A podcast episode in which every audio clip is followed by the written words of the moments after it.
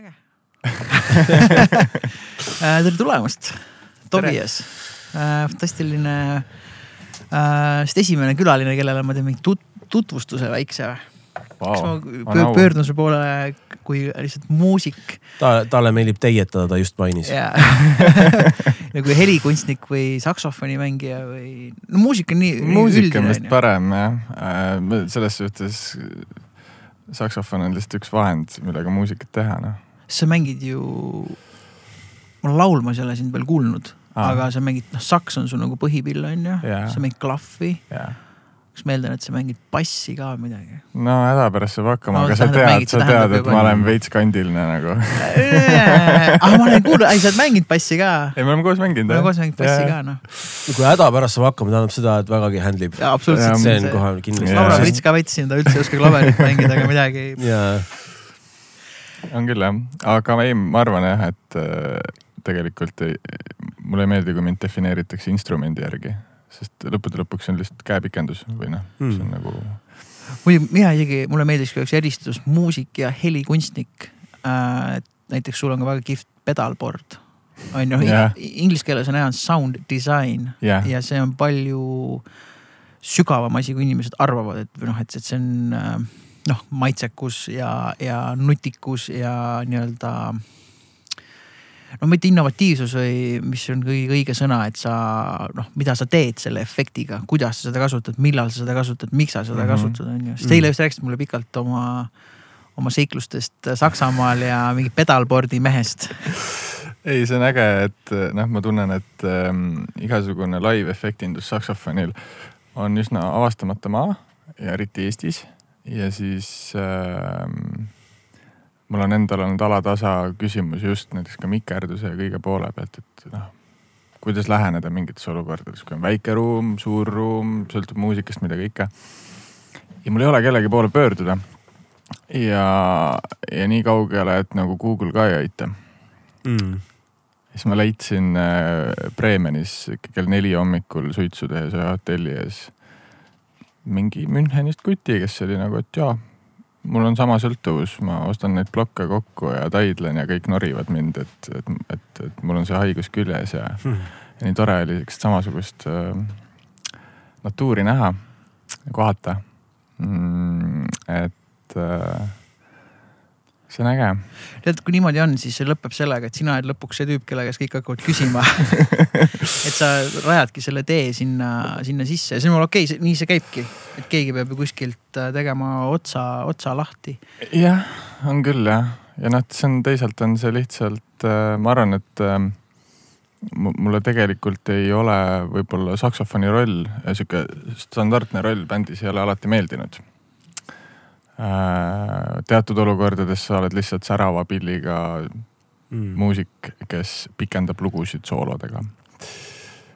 ja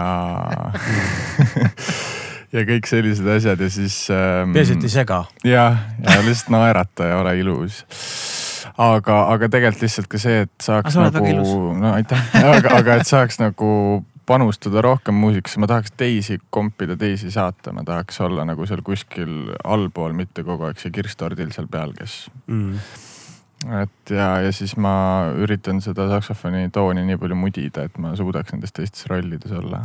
et selle tooniga äh, sul, sul ühesõnaga, sul õnnestub ja juhtub ah,, ma tooks võrdluseks, mul kunagi Elerin Tiiduga oli kontsert Vilniuses yeah.. ja, ja ma noh, kasutas mingi efektitaldrikuid trummidel, mingi aukudega ja noh, sellist stack'e ja mingeid põnevaid asju. ja see oli mingi IT-firma, mingi suur pidu, mingi Baltikumi pidu oli. ja helimees ütles väga hästi, et, et olgugi, et enamik lood, mis me mängisime, olid cover'id. aga publik sai aru, et täna õhtul üleüldiselt ei mängi selline nii-öelda suvaline või selline keikabänd, kes mängib iga nädalavahetus kuskil. et, et et laval juhtub praegu midagi, mis on natukene eriline. noh, ja selle mm, -hmm. selle tõttu, noh, et noh, ütleme üks punkt oligi, et umbes mul on need taldrikud, mis ei kõla traditsiooniliselt, mis annavad kuidagi teistpidi nagu nõksu juurde, on ju, ja publik tajub tegelikult kohe ära. et sinu puhul, mis ma olen tähele pannud saksiga samamoodi see on fantastiline, et kui sa neid efekte kasutad, siis see, see pill ei kõla nagu traditsiooniline saksofon isegi kui me oleme mänginud mingisugusel, no sellisel traditsioonilisel yeah. keikal on ju saad aru, et publik nagu ta tajub seda, et oot-oot, et siin on nagu something's going on, vaata ja see on äge, ta ei, ta ei oska öelda, mis, ta ei peagi teadma, oskama öelda mm, -hmm. mis see on. aga ta tunneb ära ja, ja sealt tekibki nagu see väärtus äh, jah, vot nii. ja seal on ja minu meelest seal on, noh, seal on ka see teine äärmus, mis on see, et sa ei saa krediitit oma mängu eest, sest keegi ei tunne su tooni ära no seda on päris palju olnud, mul oli just oli ähm, Jazzkaarel oli üks Mingo Rajandi projekt, Mingo Rajandi ja Eva Kolditsaga mängisime. kas see Mingo Rajandi uue plaadi? ei, see on, sellest tuleb nüüd sügisel etendus Viimsi Artiumis, mis valmib praegu veel. ja siis äh, live bänd on taga, Mingo kirjutas muusika, kava nimi on Elajannad ja Erkki Pärnu on kitarril ja siis noh, ta teeb hästi palju ka mingit maastikke lihtsalt taha ja siis ma võtsin ka lõpuks lavale enda laua kaasa ja siis saad aru, et ma lihtsalt mattun sinna Erki maastikku sisse ja keegi ei saa aru, et ma teen ka midagi mm. et ähm,. aga see on okei okay.. see on üliokei okay ja tegelikult ei tohi üldse seda kuidagi südamesse võtta, sest mm. lõppude lõpuks me teeme lihtsalt muusikat laval ja mm, see on kõige olulisem, teenida muusikat. absoluutselt äh,. sa käisid just äh, Saksamaal. jaa. Jazz Aheadil. Jazz Ahead, jaa. kas see on, äh, see on ühesõnaga nüüd öelda džässi showcase festival või? no, või ei ole ta showcase? no showcase ja EXPO selles suhtes, ta ikka nagu, ta päris Tallinn Music Week nagu ei ole. et ta on nagu väiksem või suurem või teine formaat on? ta on pigem teise formaadiga selles osas, et Tallinn Music Weekil sul ei ole sellist messi kus ikkagi nagu mm. Äh, tähtsad inimesed kaelakaartidega käivad putkast putkasse ja jagavad oma plaate ja flaikusid. ahah, okei okay,, selles mõttes. selles expo. suhtes on ta ikkagi rohkem nagu EXPO, aga seal on see suur showcase'i osa ka. ja sa käisid kontakte loomas on ju, sa ei käinud esinemas? ei, ma ei käinud esinemas ja ma kandideerisin küll äh,. aga noh, seitsesada nelikümmend kolm bändi kandideeris, vastu võeti nelikümmend kolm, Euroopast kümme ehk siis noh, meeletu. noh, see on alati järgmine aasta. täpselt on jah ja noh, muidugi seal ma rääkisin osade kohalike muusikutega, kes nagu natuke laimasid seda üritust, et nad olid ühelt poolt nagu, ma ei tea, džässmuusikutel on mingi värk, nad kardavad ennast müüa. Nad usuvad, et kui sa harjutad palju, siis äh, edu saadab sind, et sul ei ole vaja mitte midagi muud teha. ja ma ei, ma ei nõustu sellega üldse.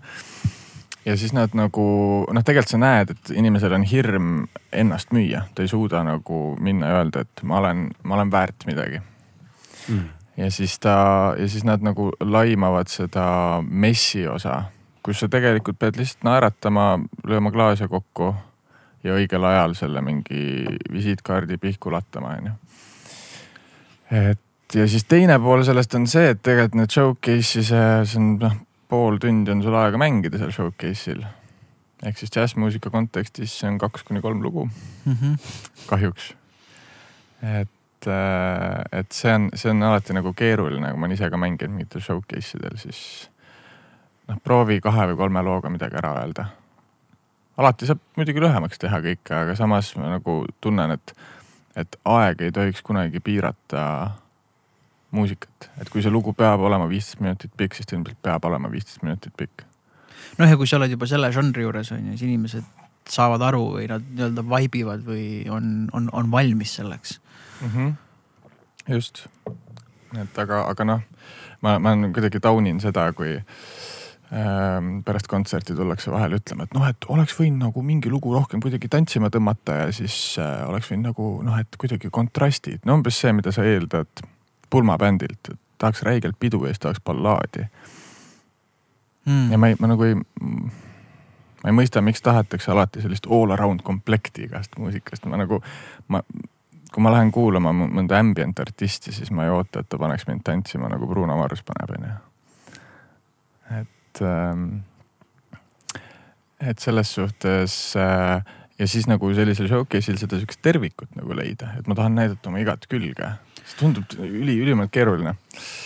Äh, see ongi keeruline ja siin on nagu palju teemasid et äh, see enesemüümise asi, ma olen väga palju mõelnud selle peale, endal mul väga raske asi, mida teha sest kogu kogemusi on ju mitmeid, ma arvan, noh, eriti kui sa pürgid professionaalseks muusikuks, eriti veel ütleme džässmuusikuks, miks mm -hmm. ma mhm. eristan džässmuusikut, see on, see, see vajab minu arvates vähemalt veel ekstra pingutust, et sa ikkagi pead formuleeruma täielikuks virtuoosiks. see ei tähenda, et sa nüüd äh, sirgusid virtuoosiks kolm-neli punkti, et see on mhm. ikkagi igikestev õpe, on ju. võrreldes lihtsalt, et kui sa ise olles selline biidimängija ma ei taha seda üldse vähendada ja mina kaifin seda ja see on täielik äh, teadus nagu omaette on ju, kui sinna süvitsi minna. aga et teha seda hästi ja maitsekalt ja õige dünaamikaga ja igatpidi. aga kuna sa saad nagu puid alla nii palju sellel teekonnal, siis sul jääb see, me just siin Killaga teil siia rääkisime, kuidas eestlastele meeldib kannatada, on ju. ja kuidagi, et, et see jääb külge kuidagi vastikult. ja minul endal samasugune psühholoogiline error on, et kui mingi aeg keegi hakkab kiitma, siis ma kuidagi nagu ei usu. ma olen nagu teen nagu nalja või nagu ära nüüd nagu kiida, vaata. ja väga raske on sellest nagu välja saada ja ma, ma olen, ma olen sinust vist kümme aastat vanem, kui mitte rohkem, on ju.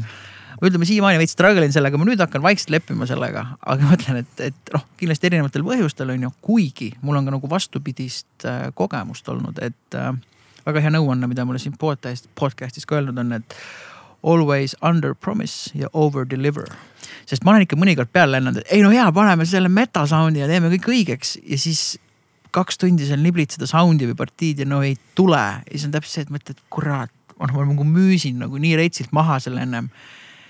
ja teised tüübid on nagu, sa näed, saad nagu sellest vibe'ist ja pilgust aru, et noh, et ei ole nagu halb, aga see ei ole see versus, kui sa lähed, et jaa, okei okay,, ma proovin, ma annan endast parima, ma proovin teha mega hea tulemuse, kõik on okei okay. Vaatame, mis saab, kõik on nagu ootusärev, nagu ärevuses ootusärevuses ja, ja siis, kui see pärast on nagu ülirets, kõik on nagu pekkis otsas, põhivend vaatas, kõik on nagu teema. ja endale annab see palju rohkem tagasi, et sa justkui heas mõttes kahtled siis oma võimetes, kuigi oled kindel nagu selles, mis sa, mis ja. sa teed, et mul näiteks on suvel tuleb üks, üks album, mida ma lähen trummitehnikuna siis nagu timmima ja kõik on nagu, bänd ise on nagu megateemas. Sulo Kiivit helistas mulle ja, ja Bent on ju, ja ma olen täpselt see, et kõik on nii teemas, noh Simson tuleb ja teeb, on ju, ma ise olen veits, kurat ma ei, teeme ennem siis nagu otsustame, kui täitsa on, sest ma, ma, ma arvan, et ma tean. Ja tõenäoliselt teangi, aga noh, et ma ikkagi hindaksin seda tulemuse põhjal äh,, mitte selle haibi äh, haibi põhjal, ühesõnaga, kuidas see teemasse sobitub, on, on see, et, et kui sa nüüd selle muusikuna vahet pole, mis tegelasena saad kogu aeg seda puitu, puitu, puitu, puitu, on ju. ja siis keegi järsku ütleb, et kuule, nüüd müü ennast nagu särava ideaalse artistina vaata, et, et mega nagu raske on, sest sa nagu kahtled endas nii palju, eriti siis nagu loov, loov inimesena on ju, kuigi see on väga oluline pool mida peab tegema, vahet pole, mis karjääris on ju. ja, ja, ja teistpidi me võib-olla näeme seda ameerikalikku klišeed on ju, kus mõned tüübid paugutavad, noh, nad on kõige retsimad, kõige retsimad, noh siis pärast ei ole vaata mm. või mingi jama on nagu pärast. ja sellega tekib ka vaata see küsimus, et noh, et sa ei saa ju, ütleme muusika ei ole sport, sa ei saa ju öelda, et keegi on parim. see on, noh, see on nagu, see on nii subjektiivne ala, mille peal me töötame, et äh, samamoodi, et ei ole olemas halba muusikat, on lihtsalt olemas muusika, mida sa ei oska veel kuulata. Et, et või et lihtsalt see ei ole sulle või see ei anna sulle noh, et, et see on sellepärast jah, see need võrdlusmomendid on kohutavad ja mulle sellepärast mulle ka nagu tegelikult need žanrid ei meeldi. mulle ei meeldi ennast džässmuusikuks kutsuda. ma võin öelda, et ma olen improviseeriv muusik. sest et mm. suuresti muusika, mida ma mängin, baseerub improvisatsioonilistel aspe- või elementidel. aga see džäss on nagu, see on nii nilbe sõna mm,. Okay. ja see nagu, see peletab osasid inimesi eemale ja samas tõmbab ligi osasid, on ju. Mhm. ja kusjuures äh, seda eemale peletamist on nagu just nagu kahjuks hästi palju, sellepärast et seal tekib mingi tõrge. ahah, okei okay,, et see on nagu, nagu, nagu, nagu läheks muuseumisse eemalt nagu eksponaati vaatama mm. -hmm. sellepärast, miks tõmbab eemale, kui ei oleks seda sildistamist, siis tegelikult lihtsalt nagu lase nagu e noh, nii-öelda esiajust veits läbi, võid saada nagu need vau wow et kuidas nagu justkui nii klassikaline instrument ja kõla võib modernses muusikas olla jumala õige. Ja sinna juurde see sound disain ja asjad on ju. panna läbi mingi veidra squeaky või mis iganes see fuss on, on ju. ja töötab jumala hästi mingisuguses äh, vormingus. just ja noh, eriti see, et me kahekümne esimesel sajandil praegu näeme nagu seda žanrite segunemist, et enam ei oska ise ka vahet teha, mis on mis, on ju Mhm ja ei olegi oluline. ei olegi oluline täpselt, on ju, et, et tõesti sada aastat tagasi me nägime väga selgelt neid erinevusi, aga lihtsalt me olime kultuuriliselt isoleeritumad, on ju. Mhm. ja kõik algas et, mingis mõttes. jah, et, et aga, aga ja ma näen nagu seda sihukest, ähm, seda hoiakut, seda kinnist hoiakut nagu ka koolides, kui sa lähed džässmuusikat õppima, siis kuidas on nagu see, et et see mingi asi, mida tehti, ütleme viiekümnendatel, et that's the real shit mm ja et ära tule seda solkima mi- millegi, mingi, mingisuguse kaasaegsema asjaga või mingi kuskilt mujalt nagu, et no täpselt, et noh, mängime, mängime kuradi võib-olla, ma ei tea, ütleme nii-öelda svingmuusika materjali, aga võtame biidi trummari ja paneme selle biidi peale. okei okay,, see oli nagu väga lambine näide praegu, aga noh, tegelikult muusika peaks ju peegeldama äh, meid ümbritsevat nii-öelda mm. Ja, ja me ei oska kunagi tegelikult peegeldada seda, mis toimus kaheksakümmend aastat tagasi, me ei elanud sel ajal. Mm. et äh, sellepärast nagu kuidagi kinni hoida nendest traditsioonidest ja öelda, et üks on õige ja teine on vale, see on, see tundub minu jaoks vale. jah, et, äh, et jah, ja siis nagu omakorda nagu see, see, see kogu ütleme noh, ma ei tea, džässi pool jah, ma olen üritanud eemale hoida nagu sellest, et me ei, me ei, me ei taha nimetada jatsmuusikuks. sest see tõesti, tal on mingi prestiiživärk ka. tal on veits see, et nagu mingi väga suur hulk publikust tegelikult tuleb džässkontserdile samamoodi nagu minnakse Saaremaa ooperipäevadele mm. et seal voolab šampanja ja sa saad ooperit kuulata, aga see on ainuke kord, kus sa lähed tegelikult seda kuulama ja võib-olla siis sa ei saa ka mitte midagi aru. Mm. pingutatud prestiiž, täpselt on ju mm. Mhm. Et see on jah. ja väga huvitav, täiesti nõustun sinuga, et mul on endal samamoodi, et mul endal on nii, nii öelda siis väga vabandan džässmuusikute ees või ma tean, kes siis võib-olla rohkem suunaga džässi on ju, on ju aukartus, sest ma tean seda levelit, mis see vajab, et selles maailmas nagu hakkama saada, on ju äh, aga mul on jälle vastukaaluks hea näide, kunagi Modern Drummer ajakirjas üks, no võib öelda legendaarne džässtrummar on ju. ta ei ole nagu nii tuntud, aga noh, ütleme muusikute seas on, aga võib-olla teised ei, ei, ei tea nagu nii reitsilt. mis nimi? Või ei mäletagi äh,. nii väga ammu oli, just mm. mäletan seda artiklit ja seal oli samamoodi, et see intervjuu, intervjueerija ütles, et ah, et sa siin umbes džässtrummarina, et sa suht palju mängid trummi ja bassi on ju. siis ta oli umbes, et noh, ma ei mõtle, kas see on džäss või trumm ja bass, ma mängin mussi lihtsalt, siis ma ütlesin, et aa, respekt, päris cool. noh, et, et äh, noh, ma kuulasin väga reits trummi ja basse aga, aga tema ei mõelnud seda, kui nüüd ma mängin trummi ja bassi, vaid ta mängis nagu, mis siis sellel salvestusel sel hetkel nii-öelda vajas ja mis tema arvas, et on nagu cool, on ju. et äh, see oli lihtsalt hästi ilus, ilus äh,, ilus äh,, ilus hetk. no ongi, see on tegelikult äh, ma õppisin Amsterdami konservatooriumis mõned aastad tagasi ja siis seal mulle öeldi ühel hetkel tagasisideks, et ma kuulan valet muusikat mm. ähm,. mul võttis päris pikalt aega, et mõista, mida see nüüd tähendama peaks siis. ja mina ütlesin ainult vastu selle peale, et noh, et äh, ma ütlesin, et noh, et okei okay,, et ma olen siin Hollandis, aga ma olen Eestist ja mina noh, et okei okay,, ma õpin džässmuusikat siin koolis. aga mina tõlgendan võib-olla džässmuusikat täiesti teisiti mm.. kuskil ei ole mingit nagu reeg-, reeglistikku paigas, et mis on mis. ja võib-olla nende jaoks ma kuulangi valet muusikat mm mis on tegelikult kompliment teisipidi. jah, et lihtsalt ma tulen nagu nii teisest kultuuriruumist tegelikult nagu eriti mulle džässmuusika poole pealt tundub, et Eestis me oleme rohkem mõjutatud Skandinaaviast äh, kui Kesk-Euroopa muusikast ja, ja kõik need asjad. ja, ja siis äh, kuhu see mõte nüüd jõudma pidi, ühesõnaga point on nagu selles, et, et et me nagu tegelikult iga muusik on unikaalne, sest et mitte keegi pole kuulanud täpselt samasugust kogust muusikat või sama, samasugust kombinatsiooni plaate. ja kõik need mõjutused, mis meil on nagu, et sa mängidki lihtsalt mussi mm. -hmm. kui, kui ma mäletan õigesti muusika ajaloost, nii palju kui ma seda õppisin äh,. noh, džäss tuli mingist traditsioonist, on ju mm, -hmm. aga siis see nii-öelda see bebop ja see cool asi sündis pärast seda, kui mehed panid mingit swingi ja värki ja said öösel klubis kokku, on ju, ja hakkasid piire testima kokkuvõttes on see, võib nii öelda, on ju. tegelikult on isegi veits lihtsam see tegelikult on see, et noh, bebop tekkis neljakümnendatel on ju. ehk siis teine maailmasõda, orkestrid lagunesid ära ja need ja siis võib öelda, et nagu neljakümnendatel äh, kui ütleme, svingorkestrid mängisid alati publikule tantsuks. täpselt, see oli selline keika. ja täpselt, et trummar ja bassimees tegid lihtsalt tuima tööd. Äh, näiteks äh, noh, võime öelda, et seesama see swingi pattern ride'il tekkis alles bebopis tegelikult. Mm.. ja see snare'i, see kõik need kommentaarid, asjad nagu. Tekkis alles bebopi ajal, kus nagu muusikud hakkasid üksteisele mängima.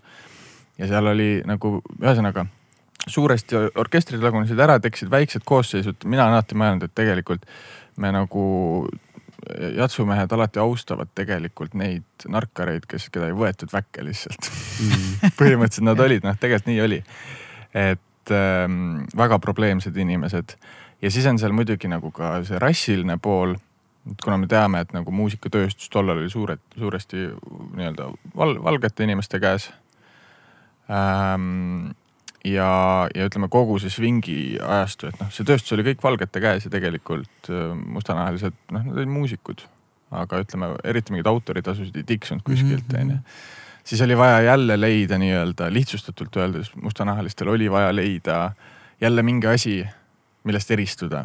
ja, ja, ja me teame bebopi kui väga tehnilist muusikat.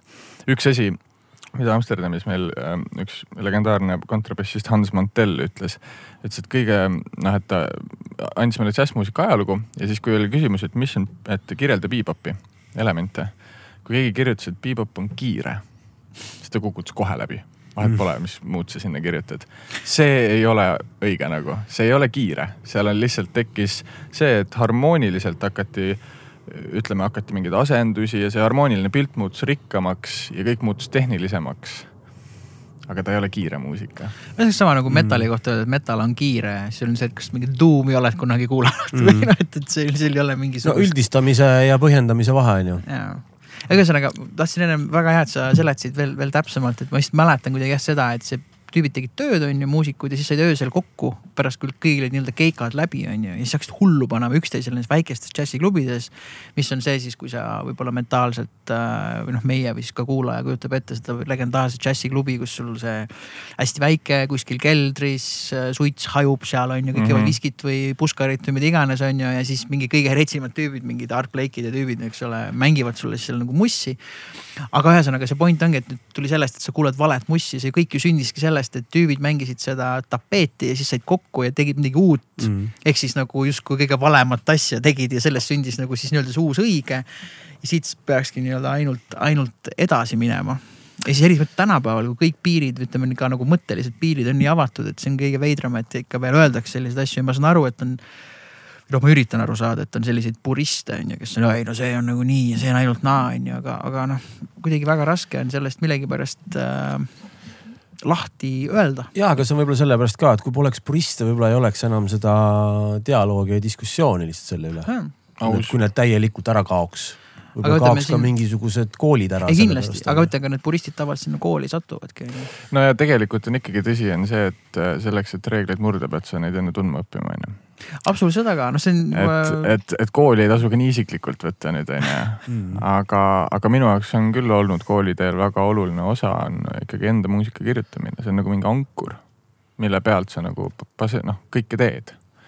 sest et lõpuks noh, ongi see, et igalühel on omad eesmärgid muusikas, minu jaoks on on olnud lihtsalt see, et ma saaksin mingit muusikat siia ilma maha jätta ühel päeval.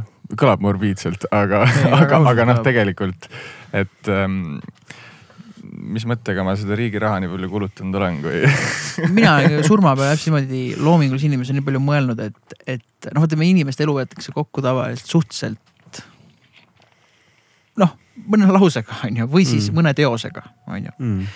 see, siis see kuidagi kom- pakitakse ja see on loogiline ka vaata, et ma ise mõelnud seda, et kui ma peaks kunagi lapsed saama, on ju. ja keegi nagu küsiks, et joo-joo, mis tüüp Dads vaata oli, on ju noh, muidugi sul vanaema või ema või keegi võib rääkida siis on ju mingi, kas siis jõuluõhtul või kuskil laua taga ja pikalt rääkida, on ju. aga noh, ma ise mõelnud, et noh, okei okay, ma olen, ma olen mingit nüüd varsti peaaegu kaks tuhat kontserti oma elus andnud ja hästi palju erinevate artistidega, kuidas sa võtad selle kokku, et. et ka mul endal on mõned sellised pidepunktid, noh näiteks I wear patience'i plaat on ju, selleks noh, mis tüüp tead, noh kuula seda. Mm. noh, siis peagi ütlema midagi, noh, et, et mul on endal nagu mingid pidepunktid, millel ma nagu tahaks. et kogu see pillimäng ja loovus võtaks kokku, et võib-olla jätad ise selle mingisuguse black box'i vaata. paned mõned pildid, mõned tekstid ja paar plaati, et noh, et ma olin nagu noh, siin, siin karbis nagu see oli nagu minu elu sellised enda loomingulised nagu highlight'id vaata. just et kõik muu oli natuke nagu müra ja muu oli kõik nagu äge, aga vot noh, see, et, et ma arvan, see on nagu siis see loominguline reliikvia, kõlab päris ägedalt Mm. Et see loominguline reliikvia, mis sa nagu maha jätad, on ju. mis on selles mõttes ka abstraktne, et see on täpselt samamoodi, et me räägime muusikast on ju, või siis nagu öeldakse, et samamoodi tantsida ju arhitektuurist, et see on see, et noh, kuula. võta sisse ja, ja võib-olla sa saad inimesest äh, läbi selle loomingu teinekord rohkemgi aru kui, kui võib-olla sõnadest mm.. no noh, see läheb väga hästi kokku selle mõtteviisiga, et, et tegelikult äh, ütleme, muusika kirjutamine on umbes nagu päeviku pidamine, onju. et ma olen ise sellest mõelnud siis, kui ma kipun olema liialt kriitiline, kirjutades muusikat, mängides muusikat.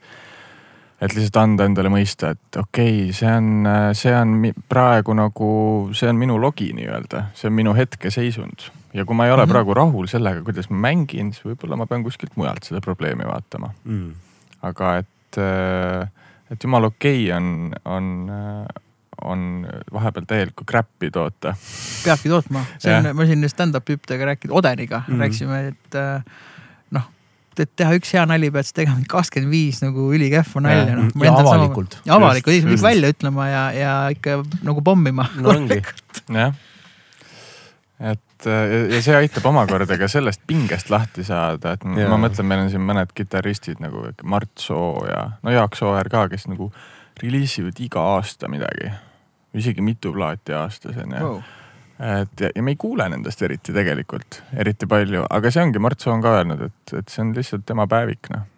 ta lihtsalt dokumenteerib oma elu läbi selle, nende Mm. reliiside no väga äge. et äh, ja see võtab kohe selle pinge maha, et järgmine lugu peab olema bänger, muidu ei juhtu midagi. järgmine Mart Soop rääkinud.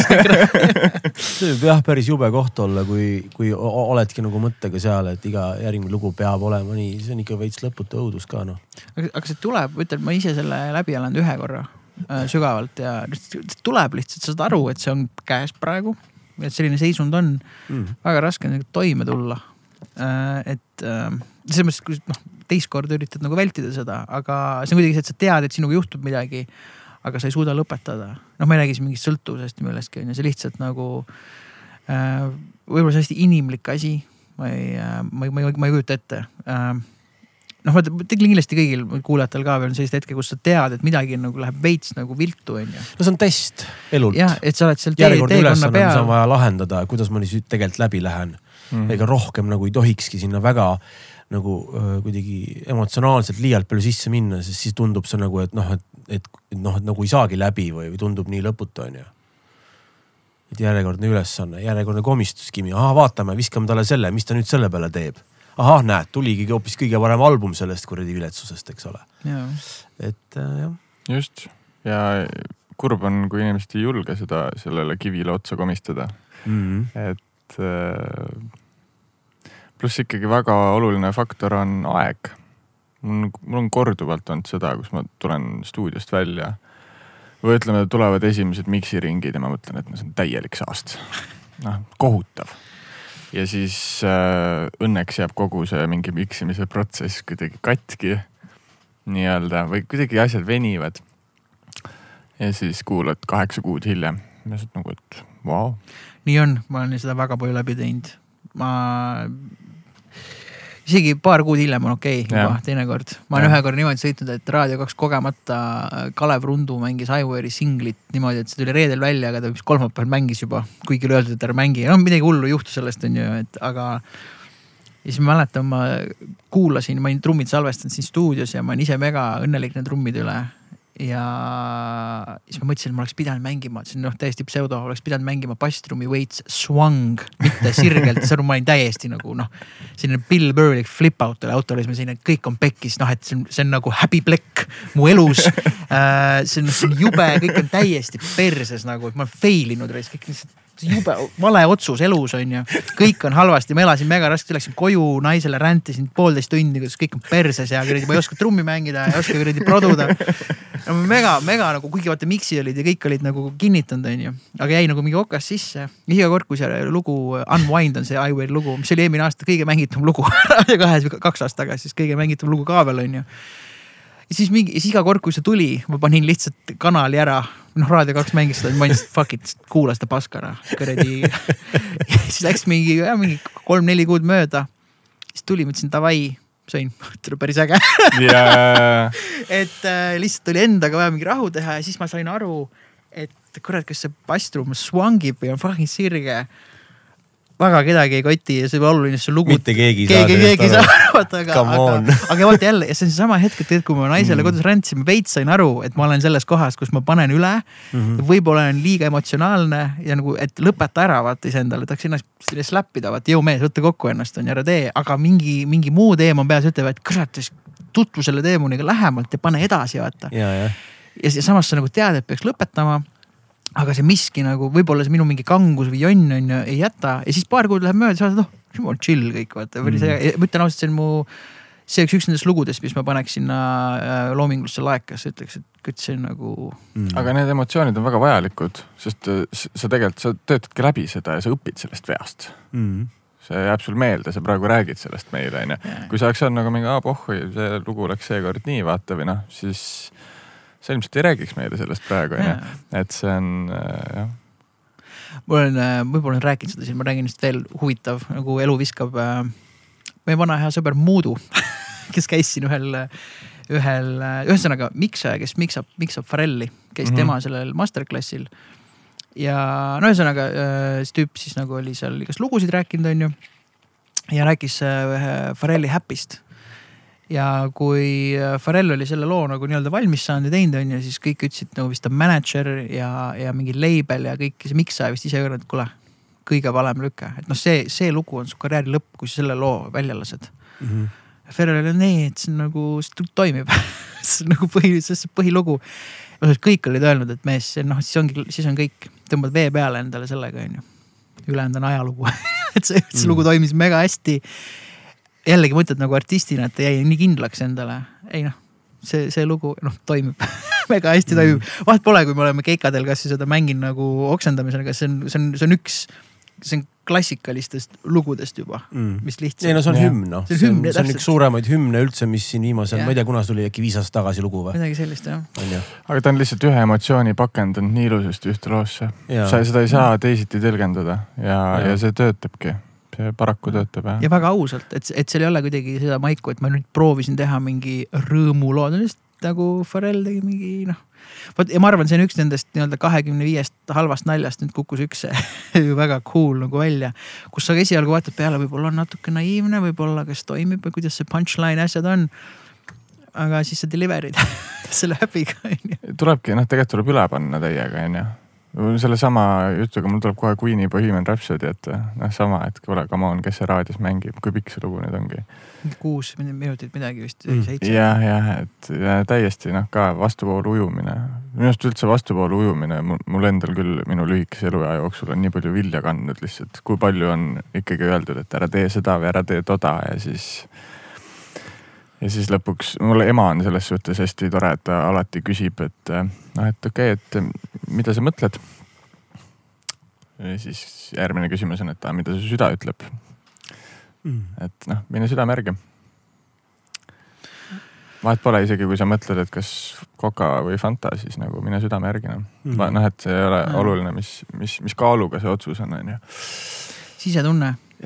kunagi ei valeta. ei, just ei valeta jah kuigi võib-olla kelle, kellelgi on nüüd see kompass nii paigast ära valed otsused tulevad. ei no siis on lihtsalt, siis sa, see tähendab yeah. seda, siis sa oled parasjagu seal kohas lihtsalt. ja ei no see pigem oli selline nali, et me oleme siin kuulama südant on ju ja mingi vend teeb midagi jubedat. aga ma ju kuulasin oma südant, ei, ei nagu oota natukene mõtle ka, aga mina siis ei tähele pannud, kas see Coca Fanta näitel, mis iganes, et, et äh, minu enda sisetunne on nagu väga paigas ja mõnikord teed mingi otsuse, kas see on see nii-öelda see Värska või Borjomi otsus on ju või siis mingi palju tõsisem otsus.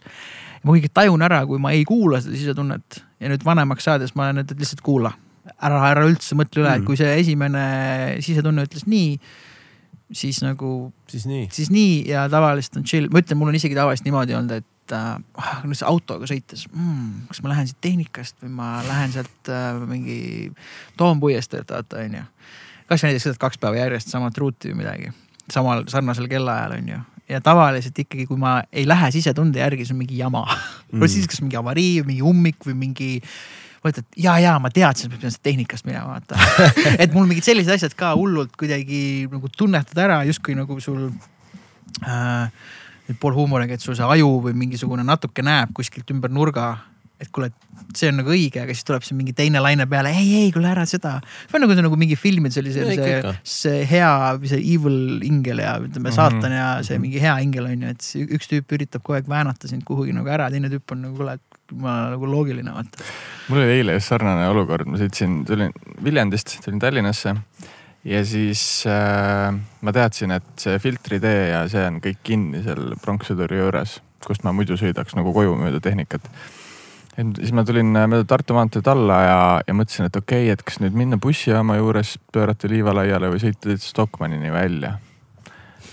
ja hullult kaua mõtlesin selle peale lihtsalt ja siis ma olin nagu, et noh, tegelikult ma saan aru, et ma nagu kardan otsust teha, et äkki ma jään ummikusse, äkki ma raiskan kaks minutit. ja siis ma saan aru, et ei oota Tobias, aga aga proovi seda bussijaama, vaata, kas seal on ummik või nagu, et, et tihtipeale me piitsutame ennast liiga palju mm.. ja, ja noh, liikluse näitel eriti, et see ähm, närveerimine roolis, ma, ma enam ei mõista seda. sest ma olen vist nagu nii mitmeid kordi oma terve päeva ära rikkunud sellega, et ma ärritan Jaa. roolis. ja seda lihtsalt, see tundub nii tarbetu. meil on see eriti kiiresti saja peal, ja, ikka noh, meil liikluses. ise samamoodi seal olnud vägagi, lihtsalt nagu liiga kiiresti läheb sajani. Et äh, ma olen väga palju tegelenud sellega, ma olen mega palju tegelenud sellega Mm. mitte, muidu mingi, ma ei ole üldse road rage inud, aga mul oli siin äh,. ma räägin selle loo. No nii. jumala eest. äh, ma hästi nõustun sellega ah,, kusjuures see oli, ma alustan sellest, et tegelikult see on äh, Martin Petermanni idee. oli, see on kõik huumoriga, mis Petermann rääkis seda, et kui sa lähed hommikul, lihtsalt hommikul on ju, kõik pinges hommikul, no tavaliselt inimesed lähevad liiga hilja kodust välja, hakkavad hiljaks jääma, hakkavad tõmblema, on ju.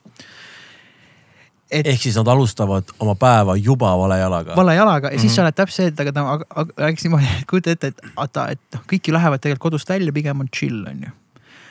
ja siis on see üks, see esimene tüüp. vaata, kes, ma ei tea, noh, okei okay,, meil väga ei break check ita, on ju, aga esimene tüüp, kes saab mingi sitaga hakkama, vaata, või läheb närvi. mis siis omakorda temast näiteks tagumine tüüp läheb närvi kes annab selle emotsiooni nüüd mingi järgmisele tüübile onju ja sina Mhm. tuled õndsalt kodust välja, vaatad ilus ilm, linnud laulavad, kõik on PERFi. ja siis kellegi mehe mäkra mängimine jõuab kuidagi sinuni ja siis, kui sina lähed ka endast välja, siis sa annad juba tegelikult selle edasi, kas lased signaali vaata või lased mm. pilgutad tulesid onju. tegelikult mõtled ja siis on iga hommik on see üks tüüp, kes justkui nagu okei okay,, tegelikult on ennast mitu tüüpi, aga kuskilt algab see jada, mis vaikselt nagu läheb ja siis ongi see täpselt äh, mitte see, et kuidas keegi reageerib sulle, vaid kuidas sina ise reageerid nagu olukorrale, kas sa tahad chill. ikka linnud laulavad ja mega on, jään veits hiljaks viis minutit, noh jään hiljaks, vaata, noh helistasin Tobiasele täna, et tule please viisteist minutit hiljem. elu on ülihea, see tähendab seda, jah, Noh, minul on lihtsalt hea näide, ma olen väga palju tegelenud sellega, mul oli mingisugune, eelmine suvi oli see. nädalavahetus selja taga olnud hästi palju laive, kõik läks mega edukalt, olin välja puhanud esmaspäevaks. Ja ma siin stuudio juures käin ampsust, tavaliselt on hommikupudru ja mingi võiku ja kui ma kodus eh, süüa ei jõua teha, siis tulen siia, onju, nagu tööle. kõik oli mega, ma olin ärganud, vist tegin trenni, käisin duši all, oli noh juba selline, oo ma lähen võtan selle hommikuti on mannapudru seal esmaspäeval onju, võtan selle, võtan selle mingi sing, singi juustuvõiku ja sõidan üle viadukti ja noh, kuna ma sõidan siit kogu aeg, ma tean, kuidas see roheline liin on, on ju, ja ütleme minu ja minu ees oleva auto vahel on selline kahe auto vahe. Eks täpselt üks auto mahuks vahele, aga noh, pigem ikkagi väikene vahe on ju, ja noh, ja siis on selline kell on mingisugune üheksa hommikul, mis on selline tipptunni vaikne kulminatsioon on ju ja ma tean, et kui ma rahulikult sellise vahega sealt libistan, siis ma siia Türi tänavale jõuan niimoodi, et ma ei pea kordagi pidurdama ja kes, kes siis keegi minu taga ei pea pidurdama, mina saan ilusti siia vasakpöörde teha, kõik nagu sujub, onju. ja ma ei ole teisel tüübil seal nagu perses kinni, onju, kõik on okei okay. Siis tuleb mingi Fordi mees, kes niimoodi lihtsalt juba noh, on minu, minu seal nagu taga viaduktil juba vilgutab tulesid, vaata umbes et ah noh, et see oli nagu liiga aeglaselt sõidad, onju, ma olen see, et noh mis ta siis nüüd võidaks mingi pool sekundit, kui ma nüüd kiirendaks sellele järgmisele tüübile sinna hullult taha, onju. ma olen kuus fraaba, ma olen davai, kõik on chill, noh. kõik on chill, mis iganes, vilgutan, ma umbes keeran täpselt mingi neljasaja meetri pärast. keeran vasakule ära ja tema paneb, noh, ühesõnaga kõik ei pea üldse midagi mõtlema, vaata. Ja siis see on nagu see Ricky Gervaisil vaata mingi I could have let it go. aga ma ei saanud vaata ja siis tüüp tuleb ja mis mu kõige vähem nagu ärritab, okei okay,, keegi trügib midagi vahele, kõik jumala fine, näita suunda, sest meil on tipptund on ju, kõik on pinges. kui sa suunda ei näita, on palju tõenäolisem, ma panen sulle tagant sisse, midagi juhtub, on ju, lihtsalt näita suunda, ma võin su vabalt vahele lasta, mul ei ole mingit ego probleemi. ja tüüp siis kiirendab mult siis paremalt poolt ja tõmbab nagu täiega nagu vasakule ja Mhm. mul lihtsalt sõitis punasesse hetkega. ja, ja ma reaalselt noh, ma ei ole nagu uhke selle üle, et ma seda lugu räägin, onju. ma hakkan talle näitama nagu lihtsalt fuck'i, mitte aknast välja, ma hakkan salongist lihtsalt viibutama lihtsalt fuck'i. ma esmaspäeval, ma olin nüüd see vend, kes kellelgi nagu ja nii, sellel on alles algus, onju. see tüüp näeb, et ma näitan talle fuck'i oma tagasivaatepeeglist hakkab mulle vastu näitama täie vasaga, kuni lõpuks teeb nagu selle, mina vasakule keerasin loomulikult, ma olen davai risk. Let's go, ma ei tea, kuhu ma lähen, miks ma lähen, ma, ma, ma nüüd sellele tüübile järgi. siis tüüp hakkab break check ima minu ees, mis on Eestis tegelikult ikkagi nagu väga mm., kiirendab ja siis täiega break check ib mm.. ja siis paneb käe aknast välja, näitab mulle taha fuck'i sõnu, ma olen täpselt niimoodi, et ma hakkan jälitama seda venda mis on noh, kõige valem otsus on ju, mis tegelikult noh, road rage'i piir on ju juba. ja, ja vend break check ib ikka, sõnu hommikuse tipptunni ajal, ehk siis teda häiris nii väga, et tema tekitas selles mõttes liiklusohtliku olukorra, et ilma suunda näit näitamata pressis kuhugi vahele mina ärritasin selle peale, sest tema tekitas ohtliku olukorra ja siis hakkab break check ima mind ja siis, kui ma talle nagu fuck'i viibutan, onju, siis ta nagu läheb selle peale kettasse justkui nagu, et noh, ma olen nüüd mega liiga teinud talle, onju. ja ma jälitsin, jälitsin teda ja siis jälitsin teda kuni Nõmme, Nõmme keskuseni noh, siin Nõmme turuni. Aga kogu aeg hakkas vaibuma, siis ma hakkasin vahel mõtlema, et oota, mis mu see end game nagu on, et mis siis nagu saab, et kui näiteks tema tõmbaks paremale kuhugi parklasse, mina, mis me siis teeme ma ei taha temaga kakelda, ma ei taha, ma ei taha talle tegelikult haiget teha, midagi, mida ma siis teen, kas ma löön ta mingi peegli maha, ma ütlen ei, ma ei ole see, noh, et. Siis vaikselt hakkab settima see, et oota, mida, millega ma tegelen, siis tuli meelde, ma pidin putru sööma ja, ja, ja tegelikult oli see, et ma pidin saama seda, snare'i hääles, et, et see hakkab vaikselt see nagu mõistus settima, mida ma üldse oma eluga teen. Ja siis tegin U-pöörde mõtlesin, ah davai pudru ja kõik chill, aga see oli nagu selline kõige rängem mul. Mm.. ja pärast seda ma hakkasin tegelema sellega, et ma ei reageeri. Et oli tal vaja siis ilma suunata vahele trügida, aga noh, selles on mingi psühhopaat level juba veits, aga noh, ma olin nagu nii kettas. ja ma olen seda lugu rääkinud Moodule ja mingitele lähedastele sõpradele. ja Mood ütles nagu huvitava pointi, et alati, kui mul on liikluses mingi error olnud, on selle tõttu, et on tekkinud nagu nii-öelda, noh mitte eluohtlik, aga terviseohtlik nagu potentsiaalne olukord ja see ajab mind nagu eriti nagu kettasse, et me kõik tahame siin liigelda, lihtsalt please turvaliselt saame nagu hakkama näitama, kuhu me lähme, mis me teeme, on ju, siis meil on kõigil seda, ega vahet pole, kas sa oled see süüdi pool või mitte süüdi pool, kui sul mingisugune pahuk kestab, tekib, on ju, sa ikkagi mingi tunnikene läheb sul niikuinii pekki, et ükskõik kuhu sa kiirustasid. näiteks nagu see Fordi mees sinna vahele trügimisega, ega no kui seal oleks mingi error olnud siis me, mina poleks sinna pudrule jõudnud, tema poleks oma kiirustamiskohta jõudnud ja meil oleks anyway täiesti pekkis vaata olnud on ju, sest ehk siis ainuke asi, mis oleks kogu selle olukorra päästnud, kui tema oleks sinna vahele trügides pannud väikse suuna sisse, et mina oleks aru saanud, kuhu suunas ta tahab liikuda. On ju mm.. et mitte nagu enda õigustuseks, aga ühesõnaga jah, ma näitasin, rääkisin selle jutu ära, ma ei ole nagu uhke selle loo üle, sest aga samas on veits naljakas on ju, aga just endal ka see hetk, et oota, mida ma tegema pidin? Mm.. mis see endgame on? Sa enne rääkisid Martin Petermannist, me just sõitsime Pärnusse laivi andma ja siis ähm, Järve Selveri juures mingi noor tüüp äh, Audiga hakkab äh,, hakkab nagu rida vahetama ja noh, külje pealt meile sisse sõitma praktiliselt ei pannud tähele. no üks signaal õnneks päästis olukorda, olukorra äh,. Petermann istub kõrval ja siis noh, see tüüp autost mingi lehvitab, vaata, üks sõbralik vend on, aga Petermann tunneb, et noh, ta oli jumala chill, ta ei olnud üldse ärritunud ega midagi, mõtles, et ma näitan fuck'i ikka nagu. Ja siis hiljem mõtlesime, et kurat, äkki me sittusime ta tuju nüüd ära mingi terveks päevaks või nagu. see on taksojuhtide puhul on ka, mul on nii meeles üks mingi sihuke, sihuke tursk ja kiilakas taksojuht äh, oma business klassi Mersuga aastaid tagasi Tallinnas. kuidas tema rida vahetas foori all, kus autod seisavad pöörad oma pika nina natuke ette, näitad fuck'i ja sõidad vahele, vaata et, et ähm, aga, aga ma ei saa midagi teha, noh, tegelikult on Tallinna liiklus, eriti kui ma olen olnud Tallinnast eemal mõnda aega, siis kui ma sõidan linna sisse, siis ma tunnen mingit ärevust kohe. Ja ma olen isegi mingitel perioodidel ma nagu vaatan inimesi enda ümber mõtlen, et olete kõik retakad no nagu natuke isegi see mingi ja, ja, ja eriti ongi, et ma tegelikult mõistan sinu seda emotsiooni. ta lihtsalt ei andnud endast märku. ja, ja tegelikult liikluses ongi see, et kui sa annad endast piisavalt vara märku, siis ei juhtu mitte midagi. mitte ükski, mitte ükski liiklusreegel tegelikult ei takista meid selles suhtes. Et kui sul on vaja teha mingi veider pööre kuskil, siis anna sellest märku Jaa. ja me saame hakkama, onju. enamik tüüpe on ja saavad Mm. aru, aga tead, see ongi see re reageerimisvärk, et kui sa ise tegelikult jääd rahulikuks, ma olen ka mõnikord niimoodi läinud, et äh, oi, ühesõnaga mul oli, kas ma seda lugu räägin, mul oli siin üks üle keskmise mahereede nagu õhtupoolik on ju ja, ja mul oli väga, väga heas tujus lahkusin siit tipptunni ajal ja mul oli vaja Euronixisse sõita Mustamäele.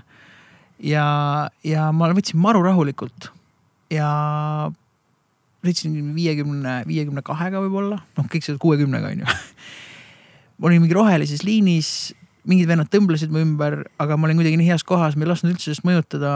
mul oli väga äge kogemus, me jõudsime kõikide valgusfooride taha täpselt samal ajal, nemad olid lihtsalt minu ees. et, et nagu ma kuidagi ei pannud tähele seda, seda ärevust ei tekkinudki, et see ongi väga palju siis, kuidas sa ise nagu suhtud, on ju, ja kuidas sa oled, kas sa ise mõistlik ja usaldad oma sisetunnet, et sina käitud nagu hästi ja ei takista meelega liiklust, on ju, siis ma arvan, kõik ongi fine. ja siis nagu selline, ma ütlen, see on see Monty Pythoni meaning of life, see lõpp, vaata, et äh, üritage üksteisega läbi saada, lugege mingi hea raamat vahepeal, liikuge. That's about it, et võtke nagu, võtke mõistusega asja, et see on nagu väga noh, nii ongi, et liikluses samamoodi vast. mulle pani selle mindset'i pähe see, kui ma mingi aeg, see oligi, ma üritasin esimest albumit välja anda, aga tööd väga polnud, siis ma läksin taksot sõitma ja siis äh,, ja siis seal ma sain järsku aru nagu sellest, et okei okay,, lihtsalt minul ei ole kuhugi kiiret, mina sõidan anyway terve päeva äh,. kliendi provokatsioonidele ma ei allu, on provotseerivaid kliente või? ei olnud eriti tegelikult kui aus olla äh,. aga noh, ma nagu mõtlesin enda peas läbi, et kui keegi on mingi, et kuule, mul oleks vaja veits, siis noh, tegelikult mingi paar juhtumit oli, kus äh,, kus oli see, et okei okay,, mul on vaja jõuda bussijaama selleks kellaks ja siis tekib see hasart. aga ma tegelikult nagu teadvustan seda, et mina vastutan selle kliendi eest absoluutselt. ja, ja no ma olen ise kliendina ka seda tundnud, näiteks nüüd just meil oli Chicagos oli on ju Cherrywoodiga la- live ja mul oli äh, fotograaf Viskas oli äh, täpselt nagu mingi tund aega enne oli live ja siis niimoodi, et ma astusin saksiga nagu taksosse ja ütlesin, et väga hea, kolme minuti pärast me oleme peale Chicagos. Ja siis äh, see on sihuke kollane džiip, mida me vist näeme päris palju linnapildis ja siis see naisterahvas ikka just kaheksakümnega läbi linna ja täpselt null-null oli mees, et see on nagu tore onju. aga tegelikult ühesõnaga see jutt algas sellest, et lihtsalt, et mul ei ole kuhugi kiiret ja, ja siis mul tekkis hasart pigem, et kas ma suudan rohelises laines püsida ja nagu, kas ma suudan sõita nii, et ma tegelikult ei peata, et see ülim ökosõit hakkas pihta lihtsalt. Tallinnas on see raske. Ma arvan, et. Tartus või Pärnus on vist, Viljandis on tehtav. Ja no Viljandis sõidavad kõik kolmekümnega, see on, see on minu meelest see probleem, et kui sa oled Tallinnas ikkagi harjunud sõitma, siis igas teises Eesti linnas on keeruline. lihtsalt on, sa jõuad linna sisse ja nagu noh, kõik jääb aeglasemaks. et. mulle väga meeldib see, mulle hullult meeldib see. see on tore, kui ei ole, näiteks Viljandis oli, ma olen ise Viljandist pärit ja, ja siis Viljandis oli mingi aeg olid mingid teetööd suht siuksed, noh, et mingi põhitänav pandi kinni nagu pikaks ajaks, ehk siis kogu liiklus suunati ümber väikeste tänavate. ja ütleme, viljandlased annavad väga ausalt teed, nagu liiga lahkelt isegi, et need ummikud, mis tekkisid, olid meeletud. ja, ja siis äh, mul oli mingi ükskord oli, et mul oli vaja, kui me noh, Viljandis saame öelda, et on kesklinn on ju, no ütleme, mul oli jala, mõtlesin, ma lähen juuksurisse, mul oli jala seitse minutit juuksuri juurde, mõtlesin, ma lähen autoga, savi. ja ma sõitsin nelikümmend minutit sinna. sa tegelikult. viitsime vahepeal ära parkida. jah, aga tuleme korraks äh, Mussi juurde Tuleme, tagasi. Äh, ei ole vist, sorry, kursis praegu, sul on, palju sul on, üks plaat, kaks plaati väljas oma trioga? oma trioga on üks, praegu töötame teise kallal. mulle meeldib see džässi, sorry, ma pean sind džässimeheks kutsuma. kutsu, kutsu. et see, et, et džässimehed on ülihalvad enesemüüjad, aga alati nende bändi nimi on nende nimi ja siis on nagu, kas nad on kvartett või trio või kvintett, vaata, et mis on selline, et tüüd päris hea.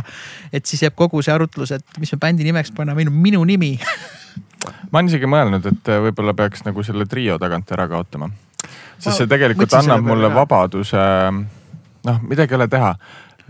kuigi ma ise nagu olen viimasel ajal ikkagi mänginud väga nagu samade inimestega, et ma nagu, ma ei ürita leida parimaid mängijaid, kellega mängida, vaid ma mõistan, et on mingid inimesed, kellega mul on parem klikk ja ma lihtsalt kasvatan seda keemiat, onju. Siis ähm, tegelikult äh, kui sa ei pane bändi nime, siis see annab mul vabaduse tegelikult mängida ükskõik kellega, ükskõik mis koosseisus. Ja, ja džässimaailmas sa näed eriti palju seda, et äh, võib-olla sul tuleb tahtmine teha järgmine kontsert hoopis kvartetis, noh. Mm, -hmm, mis iganes, et äh, ja palju lihtsam on kuidagi lihtsalt ennast ka hiljem müüa. see Jaa. nimi kohe seostub, eile oli väga naljakas olukord. Nubluga mängisime, onju. Raulo Jaama, noh, mina tean te- tema nime hästi, aga tegelikult me ei ole kunagi tutvunud. ja siis äh, tutvume ja ta on Tobias Tammer, mul tuleb Tobias Tammeru trio Jaa, kohe ette kohe nagu see, see on esimest korda elus ma sain aru, et okei okay,, mingi koosseis on nagu See minust ette jõudnud nagu Mm. mm., sa oled see vend. et, et see, sellepärast küll jah. aga jätka oma mõtet, sul jäi kuskile see. ai, mul oligi lihtsalt, et äh, kaks on siis on ju. Üks on praegu väljas jah üks. on väljas on ju ja ei, ei väga äge ja, ja jookseski kokku, jumala okei okay., killa. kuidas te praegu seda salvestus, nii-öelda salvestussessiooni, kuidas te lähenete või kuidas te eh, salvestate või mis te teete? tead, ma olen palju arutlenud sellel teemal, esimese plaadi me panime niimoodi kolme päevaga sisse, et nagu ühes sessioonis ja, ja ma praegu olen jah, siin me oleme siin paar lugu nüüd salvestanud. Ja ma olen, ma olen mõelnud, et noh, mõnes mõttes ma ei tahaks läheneda, mulle üldse ei meeldi see, et vot nüüd teeme plaadi. minu arust nagu plaat peaks olema kogumik, kui ta ei ole just hästi kontseptuaalne nagu Mhm. ähm,. plaat peaks olema mingi kogumik ja, ja ma ei tahaks nagu lihtsalt, et me peame kümme lugu ära salvestama ja siis sul on nagu lihtsalt mingisugused siuksed kuradi, mis need on, fillerid või mingid siuksed täitematerjale on hästi palju plaadil. Et mulle üldse ei meeldi see lähenemine, vaid ma tahaks pigem niimoodi tasa ja targu salvestada pi- pika aja vältel ja siis, kui vaatad lõpuks, et kuule, siit tuleb mingi äge tervik kokku, siis anda see plaat välja. paraku on nagu nii, et džässimaailmas ütleme džässi, džässifestivalid, asjad, nad nagu ilma plaadita ei tee mitte midagi. aga mm. nagu me teame, siis nagu noh, popimaastikul näiteks ikkagi noh, plaadi tegemine on üsna haruldane nähtus. nagu ja, me elame on- singliajastul ja, ja, ja siis nagu ma isegi ütleks, et me jah, me ei ela enam, ma arvan, singli-ajastul, me elame sotsiaalmeedia ajastul. aga mis ma sellega öelda tahan, et kui varem see singel viis, tõi sulle kontserte või midagi, onju, siis praegu isegi neid pileteid on võib-olla kontserdile raske müüa. aga kui sa kirjutad noh, mingi sotsiaalmeedia mõttes hea loo onju, mis läheb nii-öelda viral'iks või mis iganes, siis sa saad mingeid koostööpakkumisi, asju, et see, see raha sissetuleku koht on hoopis teine kui äh, kontsert või kui see plaadimüük on ju, muidugi on erandeid, absoluutselt alati on nagu vastupidiseid näiteid ka, aga noh, vanasti et sinku, plaat, kontsert, tuur, krabame selle kokku, on ju. tänapäeval sa võid olla tüüp, kes teeb äh, noh, nii-öelda heas mõttes magamistoas on kodus mussi, on ju, aga sul on hoopis mingid muud sissetulekuallikad seoses selle muusikaga. mul on äh, korraks, ei ole teemast väline, vist huvitav lugu oli kunagi äh,, näiteks festivalid vaatavad väga palju noh, viimastel aastatel eriti, mis su see sotsiaalmeedia jälgivuskond on, on ju. Anton Must tuleb meil järgmine nädal, Anton oskab sellest veel paremini rääkida, sellele talle meelde tuletada, aga ma äh, mäletan, et ta rääkis, vaata Helsingis on Flow festival on ju, selline linnafestival nagu meil oli kunagi Sweet Spot paar korda ja selline asi on ju. kas te mitte korra ei olnud või? ta oli, ta oli korraga, eelmine aasta oli, on see Võnge või, mitte Võnge, vaid Võnge on see, mis rändab ja teine oli linnafestival, mis on põhimõtteliselt nagu äh, Sweet Spoti jätk. mm.. Mis see Patareis toimus eelmine aasta, tule see nimi lihtsalt mm., Sume, Sume, Sume, Sume. Sume, Sume, no Sume nagu selline yeah. mõtteline jätk sellele, noh linnafestival on ju, meil mm. palju neid ei ole. ühesõnaga äh,, et kui sa neid Flow festivali tahad saada, siis küsitakse, mis sul nagu see following on, on ju, näiteks palju sul Spotify mänge ja striime ja asju on. siis oli mingi Soome artist, kes oli saatnud oma selle nii-öelda mingisuguse press kit'i sinna, kellel oli mingi kümneid miljoneid kuulamisi, on ju. Aga festivali korraldajad pole kunagi kuulnud sellest tüübist, aga kõik on nagu legit. et ongi need mingi kümned või isegi võib-olla sajad miljonid kuulamist, et mis vend see on. siis tuleb välja, et tüüp ongi noh, teeb mussi kogu aeg, aga ta teeb nagu stiilis kataloogi mussi, sellest mingit, mingi ambient äh, music for studying vaata ja mingi Mm. trip-hop beats. ja tema selles mõttes, ma arvan, noh, ma ei, muidugi ei tunne teda, ei ole temaga vestelnud, aga ma sain nagu mulje jäi, et ta ei tee seda nii-öelda konveierina või nagu meelega, vaid talle meeldib sellist mussi teha. Siis ta saatis oma selle press kit'i oli, et noh, miks ma ei mängi siin festivalil, sest nagu korraldajad vaatasid, et umbes mingi kõikide teiste Soome artistide striimid kokku panna, neid ei saa sellele vennale, ühele vennale lähedalegi onju. ehk siis see on selles mõttes hea lugu meie ajast, peegeldus, et noh inimesed ei teagi, kes sa oled, aga su striimid räägivad sinu enda eest, aga nüüd ongi see, et mida siis Flow festival teeb, on ju, või tegi, ma ei tea, tõenäoliselt ei võtnud teda, aga et justkui tegelikult nagu nii-öelda näitajate järgi peaks olema kõige retsim tüüp. Aga jällegi samas justkui nagu ei ole, kui seda mingi, paned headline ima mingit pealava on ju, ainult need numbrite põhjal, siis kõik on nagu wow,, mis tüüp see on, aga, aga mingis valdkonnas sa oled nagu jälle kõige tegijam. on ju, Mm. et meil on tekkinud nagu see, nagu see äh, noh, shift on ju, see muutus. ja aga ma arvan, see tõde on seal kuskil vahepeal, et ega sul on loomulikult vaja tugevat materjali, sul on vaja tugevat lugu äh,. aga vaieldamatult rääkides enesemüümisest, sul on vaja ka head following'i, sest kui ikkagi inimesed ei tea, sa ei jõua nendeni. ja sellepärast ongi see kahjuks nagu nihkes, et see töötab ja teistpidi töötab, tegelikult tähendab seda, et sa peed olema eelkõige number üks, kõige tähtsam asi maailmas on see, et sa pead olema laivis rets. That's it, see on see kõige alumine asi, kui sa hakkad maja ehitama, peab olema tugev vundament, kogu lugu. aga noh, ongi, meil on nii palju neid erinevaid nii-öelda nägusid kõigil sellel, eks. ja, ja, ja kontserdipiletis müüdki ju laivi pealt, sest see on üks asi, mida me oleme rääkinud, mina olen rääkinud paljude kontserdikorraldajatega, et see on üks asi, mida robotid ei võta nagu kunagi üle, sest see on nii vahetu, nii emotsiooni peal, et noh, sa võid tänapäeval nii-öelda öeldakse splice pop on ju. et see on see splice on see keskkond, kus sa saad osta luupe, ise kasutan seda ideede genereerimiseks, aga mul on kuidagi see põhimõte, et kui ma teengi sellest loo ja kasutan seda, siis ma lasen alati kas siis sa- sama, sama sarnase sama või siis sarnase käigu mängida nagu päris äh, muusikul ja ma ütlen, et sul on ka väike va- vabadus sealt, ma kogun pigem ideid sealt mm.. aga Splice Popi öeldakse tänapäeval see, et noh, sa võtadki sellest Splice'ist, otsid üles need äh, sample'id, mis toimivad, paned kokku, on ju, mis ei ole üldse vale Mm. aga sealt kaob see loovuse moment ära, et lõpuks sa pead mingi robotile mingi algoritmi selgeks teha ja tema võib Splice'ist ise neid valida ja ongi see, et sina, ma ei tea, mängid mm. golfi või jood koksi on ju ja mingi ai paneb sulle poplugusid kokku on ju ja saadab Warnerile, Sonyle tüüpidele ja kõik on nagu justkui õige on ju, mis tegelikult ongi beats the whole, whole point on ju. et tegelikult peaks natukene stutsis olema, kaklema ja, ja, ja arutama ja, ja, ja punnitama ja fail ima ja ja ühesõnaga, kohvi kikkis nüüd sisse alles aga, aga ma väga meeldib see killa point jah, et see, et sa pead laivis rets olema. ja aga aga samas jälle ühest küljest, kas nagu, kas kõik, kas, kas, kas ikka peavad kõik inimesed sellest aru saama, võib-olla ei pea, jumala eest. Minge tehke, mis te soovite, usute, pooldage, jookske, roomake, kõndige, ühel meeldib kõndida, teisel meeldib joosta, et noh, selles mõttes, et, et iseenesest noh, ongi, et see ignorantsuse level, mitte et see oleks ignorantsuse level nüüd puhtalt, aga noh, ma ei tea, et üks fännab EKRE-t, noh, mis ma nüüd siis teen, hakkan, üritan seda inimest muuta, et ta peaks fännama, ma ei tea, mis iganes muud sitta nagu, tegelikult ei pea nagu mm, -hmm. tegelikult ei pea, ei pea kõik targaks saama või valgustatuks saama selles mõttes. Mõnes mõttes on nagu, mulle isiklikult meeldib see, et meil on see teine tasand tekkinud, et kõik muusikud ei pea artistid olema, sest kõik ei olegi, mõni ongi väga hea lihtsalt oma magamistoas Mm -hmm. produtseerida. kogu lugu ja, ja ühed on nagu lauljad näiteks ja teised on Billie artistid. Eilish näiteks. jah. no tema on ja, ikkagi ja. artist missugune. ja, aga ütleme, alustad magamistoas. ja, ja, aga noh, jällegi see on nagu koht, aga vaata kogu aeg on nagu arenenud, on ju, et selles mm. -hmm. mõttes nagu toimib, jällegi on ainult üks Billie Eilish, eks ole, selles mõttes.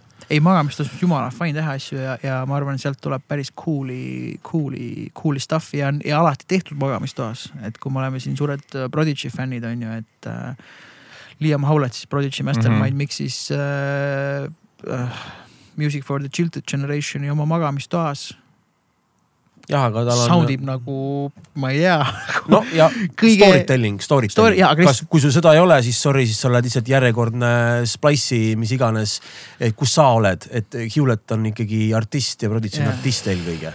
Äh, ma tulen selle muusika asja juurde tagasi, millega me just Killaga rääkisime sellest ennem, et mina mäletan seda aega äh, kuidagi noorena, et muusika oli nagu joodik mm.. muusik oli jota ja, ja eriti ise olles kasvanud üles alternatiivmuusika, noh tüübid tulevad ju mingi kasti õlle eest, vaata, mäletan isegi mingi Aidesele tehti kunagi pakkumisi, noh mingi, ma ei tea, ütleme stiilis, noh okei, võib-olla olnud Tartus, aga Tartus oli juba natuke sophisticated im asi, aga kuskil, et noh, tulete mängima, me olime, noh tahtsime mängida, onju. ja siis see pakkumine täpselt noh, kast õlut et see korraldus, noh, see on ju nagu see reliikvia või see on noh, see eluunistus teil on see kast õlut saada, onju. noh, ilmselgelt, kui sa oled seal, ma ei tea, kuueteist, seitsmeteist aastane, siis kast õlut tundub päris hea perspektiiv, hea pidu. aga kui sa teed seda tihti, no siis see õlu nagu muutub, mis iganes, õlu, isegi ma ütlen, ma ütlen nii kaugele, et kui me iWare'iga alustasime kuskil üksteist aastat tagasi, kuskil pakuti ka kast õlut on ju, ega siis on juba see, et oota, me nagu noh, me oleme nagu sellised profid ja poolprofid tüübid ja väga palju vaeva, noh et kast õlut või noh, et äkki nagu mingi raha või noh, mis iganes, kuidas Oden ütleb, et parem viiekas peos kui Mm. või Äh, pigem väike kupüür kui suur aitäh. ja, see on, see on väga hea, see on väga hea. jällegi see enda eest seismine on nagu, mis kuradi kass, tõmba nahku, ega sa tellid on raha ja kogu lugu, kui ei, nägemist. ja et aga, aga tahan, tahtsin selle öelda, et positiivses mõttes on muutunud et enam ei näe seda ja see, mis täpselt ütled, et muusikuid on hakatud väärtustama ja iga muusik ei pea olema artist. aga neid, neid hakatakse väärtustama siis, kui sa seisad enda eest. siiamaani võib-olla pakutakse neid kasti õlle, vaata. sest sa kardad ilma, ilma jääda ja, sellest tööst onju. mul äh, isa on aastakümneid lugenud reklaami ja siis äh, vahel on ka, no okei okay,, seal on see, et näitlejate liit kaitseb nagu, et seal on mingi miinimumpapp mm.. ja seegi. jah, täpselt onju, et ei tohi olla selle teha. Aga, aga siis on ikka mingeid inimesi, kes on küsinud nagu ja see oli vist enne, kui need tariifid kehtestati ja siis tema taktika oli nagu see, et, et okei okay,, et noh, et papp on nigel, et ma võin tulla kas nüüd selle papi eest, ütles oma hinna või ma teen sulle niisama selle mm. tasuta mm. -hmm mitte keegi ei taha tasuta, et sa tasuta teeksid nagu mm, -hmm. sest siis, siis sa jääd kohe võlgu midagi nagu mm. -hmm. ja siis ta sai selle papi alati no, nagu. tunne see..., tunne, tunne inimloomust ma proovisin järgmine kord juba teades mingi Eesti muusikamänedžeri tüübid no,. Pürfi Simson tuleb tasuta, vaata väga hea, olemas. manipuleerimine on kõige parem skill, kahju, et see sõna on nii halvas lahtris Yeah. positiivne reklaam on samamoodi manipulatsioon, lihtsalt see sõna on alati negatiivses lahtis. selle skill'i ära, come on, nüüd siis initsiatiivi ei oska üles korjata ja kuradi plõksti haarata teine inimene sinna, kuhu sa tahad, et asi läheks ja noh, teine teema on see, et paraku olen kokku puutunud äh, osade artistidega, kes tahavad sinna täpselt mängima saksi ühele loole peale äh,. nimest ei nimeta ja siis nad nagu on mingi, et noh, et ega meil ei ole väga midagi maksta, vaata. okei okay,, aga anna mulle, ma tean, et see lugu mängib raadiotes mm nagu selles suhtes, et, et anna mulle siis protsent nagu. ei, seda ka nagu ei saa. seda ei taheta üldse anda. seda ei taheta anda, onju. ja siis ma nagu olen sellel seisukohal, et okei okay,, aga mm, ma ei tea ühtegi teist saksimeest, kes oleks nõus sulle odavamalt tulema Eestis. noh, et me ei räägi nagu see, sul ei ole eriti palju mängijaid mm.. sõber akordionist oli täpselt samamoodi nagu ka, et noh, aga leia siis mingi teine tüüp nagu.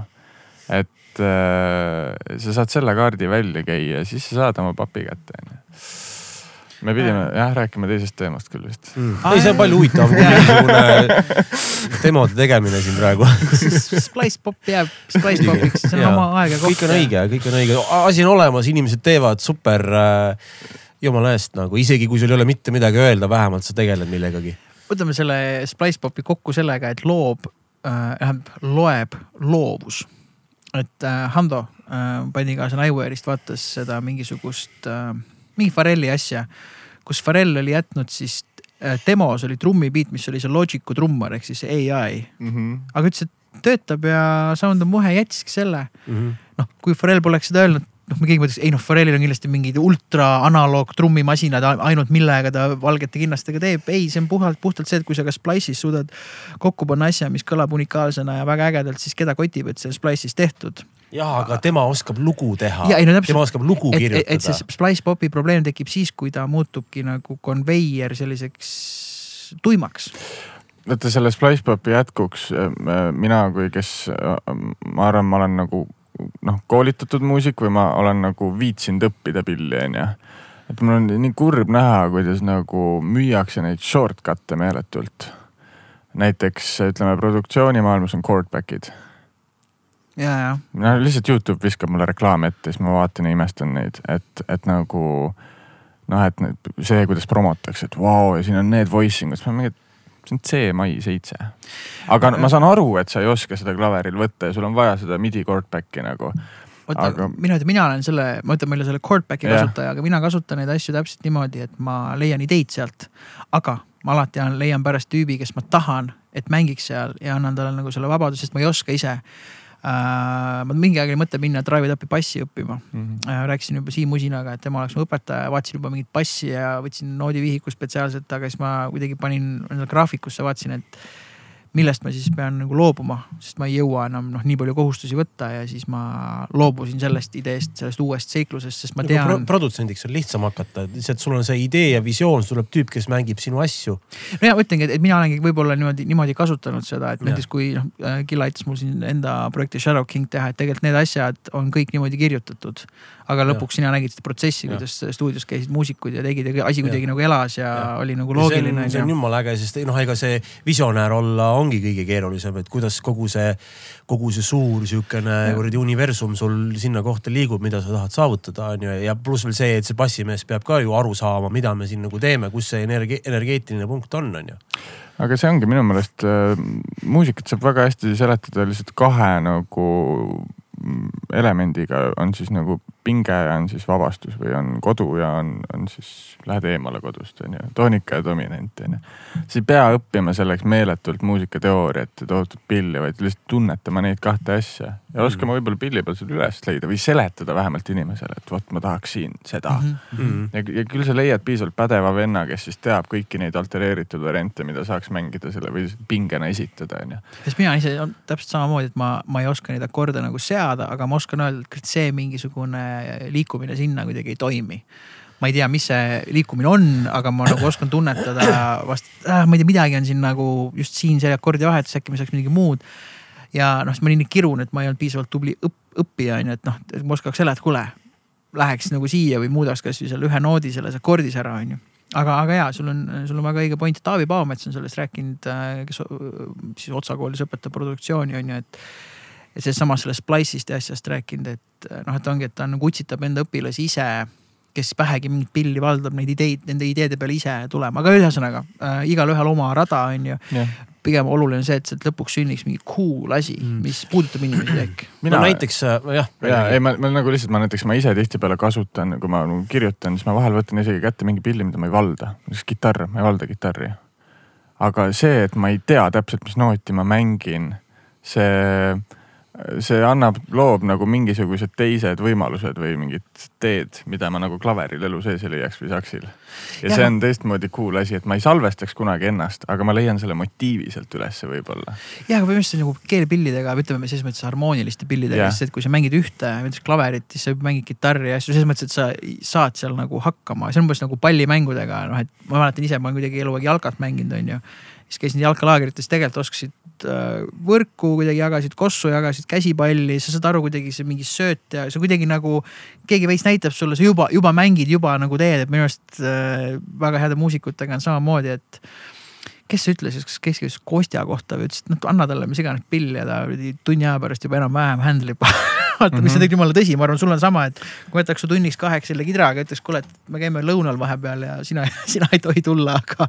aga, aga kuule, vaata, kui läks see tuuba üle on ju, okei okay,, okei, sinu puhul tuuba on natuke lihtne võib-olla. ei ole, kusjuures aga kaussuulikud aga- on aga pornograafia stiilis, et noh, et lihtsalt, et kuule tšeki see bassikäik üle ja ma arvan, kui me tagasi tuleks lõunalt, see oleks okei okay,, kui mul on enam-vähem nagu chill, teeme linti, vaata.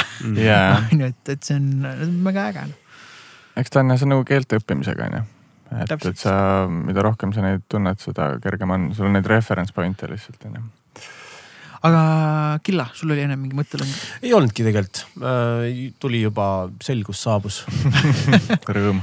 Mm. ma tahtsin küsida, väga äge, kui ma, ma, tegelikult oleme hiljuti alles sinuga sõbraks saanud jaa, Tobias ja mind väga nagu üllatas just see, et äh, noh, ma mõtlesin ka, ma teadsin, et sa oled nagu saksofonimängija on ju, minu, minu jaoks olid Jah. ainult, ainult saksofonimängija äh,. Et äh, see on nagu äge, et siis kui ma nägin, kõike muud teed ja mis inimene sa oled ja siis see, miks see oli vast just huvitav, et noh, ühesõnaga. ma tean väga palju trummareid, ma tean väga palju kitarriste nagu bass, basskitarriste, selles mõttes, et ütleme enim levinud pillimängijaid, on ju. et äh, ja siis ma ütlesin, sa oled nii noor ja kuidagi leidnud selle tee juba, et, et äh, ma ei taha küsida, kuidas sa selle leidsid või kuidagi, et ma tahan pigem öelda, et see on nii äge, äkki sul endal, et, et noh, et see on nagu julge, et noh, et see saksofon on su põhipill, on ju. et sa oled nagu jäänud selle juurde, noh, ütleme, et selles mõttes võib-olla trummareid on keikadele vast rohkem vaja kui nagu saksofonimängijaid on ju, ja noh, kitarristist rääkimata, et, et äh, et see on väga selline julgustav ja äge nagu, nagu ähm, oleks sul. jah, no eks selles suhtes mina ei teinud seda valikut, et hakata saksi mängima onju, paraku. Ongi nii ju? noh, kaheksa aastaselt pandi muusikakooli, algul taheti vioolat panna. ma olen väga tänulik, et mind ei pandud violat, ma ilmselt ei istuks siin laua taga siis praegu onju. jah, aga sul see Violaga äh, mingit gängstaräppi teha vist on nii küll ikkagi. Aga kui ära, ära pull'id, motherfuck nagu. Hollywoodis juba salvestaks mingisugust Doktor Dre tegelikult. ma just kuulasin kedagi, mis oli, ma ei, Viola, come on from Estonia. ja, ja, aga tead, vahel on küll nagu, aa, me kuulasime mingisuguseid plokkflöödi mängijaid, kes big bändides mängivad ja tõmbavad bebop'i ja siukest teemat, siis mõtled, et nagu, et rets või no mingid Brekkeri teemat või siukest seitsmekümnendate kraamiga, mõtled no, fussi põhimõtteliselt. sa oled nagu ülituus, aga lihtsalt kurat, talle pillivalikuga pole jopanud kunagi, vaata. Mm., et nagu ma, ma tahaks seda tõsiselt võtta, aga ma ei suuda, sest see on lihtsalt nii harjumatu on näha plokkflööti shreedimas nagu ja, lihtsalt ähm, et, et see on selles suhtes nagu pillivalikuga joppas, aga, aga jällegi jah, ma lihtsalt tunnen, et kuigi ma olen ju, ma olen siin mõelnud vahepeal ka, et läheks üldse klaverit õppima uuesti Otsa kooli nagu teeks mingi täieliku shift'i onju aga, aga ma mõistan, et lihtsalt ähm, saksofon on pill, mida ma mehaaniliselt kõige paremini tunnen. ja ma väl, saan ennast väljendada selle pilli peal just kõige paremini. et lõppude lõpuks on kõigest pill mm. -hmm. That's it. ja sa võid selle panna mis iganes muusikasse yeah. tegelikult ja tead, mis on praegu mul on, praegu me tegelikult seda paradigmat siin hästi lahkamegi. ainukene asi, mis tundub kuidagi, et see ei ole võimalik, on täpselt need traditsioonid ja eelarvamused.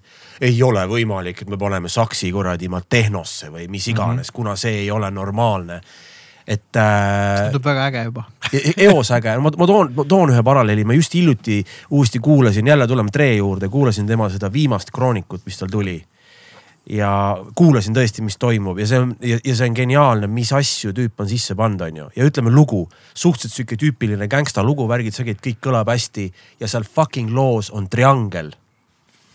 ja siis mm -hmm. lihtsalt kuulad, see on niimoodi sorry mida iganes keegi arvab, et see pill, mis ma, sorry, sa lihtsalt ei ole oma mõttemaailma laiendanud, et sobitada fucking triangel kuhugi räppi nagu. ja see kõlab nii, et täitsa pekkis, see muusika, noh, saad aru, et äh, ei ole vabandusi, et äh, pigem ainult nende äh, normaalsuste ja selle murdmine ja see ongi ainult taga, kui sellel nii-öelda visionääril või artistil, eks ole, sa pead olema fucking visionäär. aga see on minu meelest on, on lihtsalt instrumendipõhine kuulamine või mõtlemine ähm, ja siis on tämbripõhine mm. -hmm. et tegelikult äh, ma ise tahan võimalikult palju mõelda muusikast kui nagu tämbripõhisest mm, -hmm. et mhm. lihtsalt. aga see on siis paralleelselt nagu tämbripõhine üks asi, aga samas suurt pilti vaadates on see nagu loo jutustamine, et see lugu ma ei, kas ta nüüd vajab, aga sa leiad selles loos mingisuguse koha hoopis sihukese, noh, ma ei tea, triangli või saksi näol on ju mm -hmm., põhimõtteliselt. et noh, mul on vaja just seda sinna kohta on ju, või, või sa mõtled nagu spektrites või spektrumis, no selles, et okei okay,, mul on madalas otsas need asjad, mul on kõrges otsas need asjad on ju.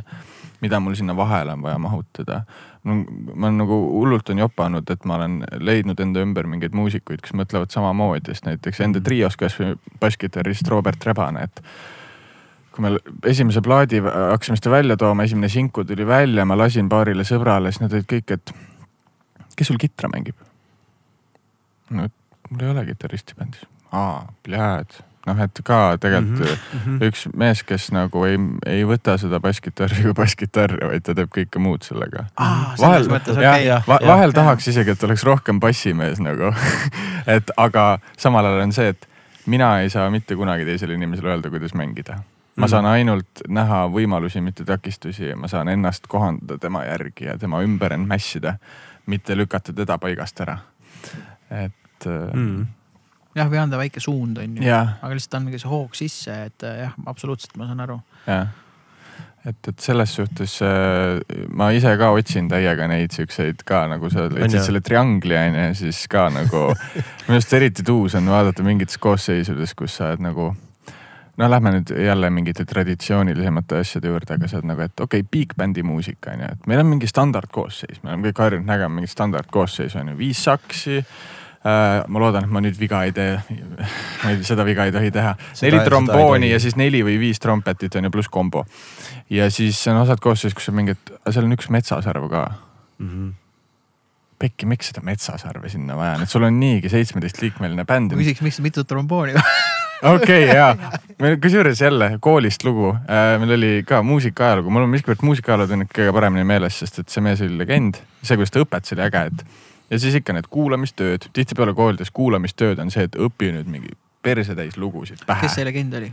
Hans Mantel, üks kontrabassist ah,. Okay. Ah, see Amsterdami konservatoorium. just, just, ta mängis Chet Bakeriga kunagi ja Art Blakey'ga ja nagu, aga noh, puhtalt sellepärast, et USA-st oli hästi-hästi raske tuua sideman'e kohale, siis toodi ainult bändi liider ja pandi koha peal bänd kokku Mm. sellepärast sattus mängima nendega ja siis ähm, tal oli, tema kuulamistöös oli see, et sa nagu ta lasi mingit lugu ja sa pead panema koosseisu kirja ta laseb mingit big-bändi lugu ja sa pead nagu, sa paned selle standardasetuse kirja, aga sa pead defineerima, kas see tromboon on kulissiga või see on pumpadega.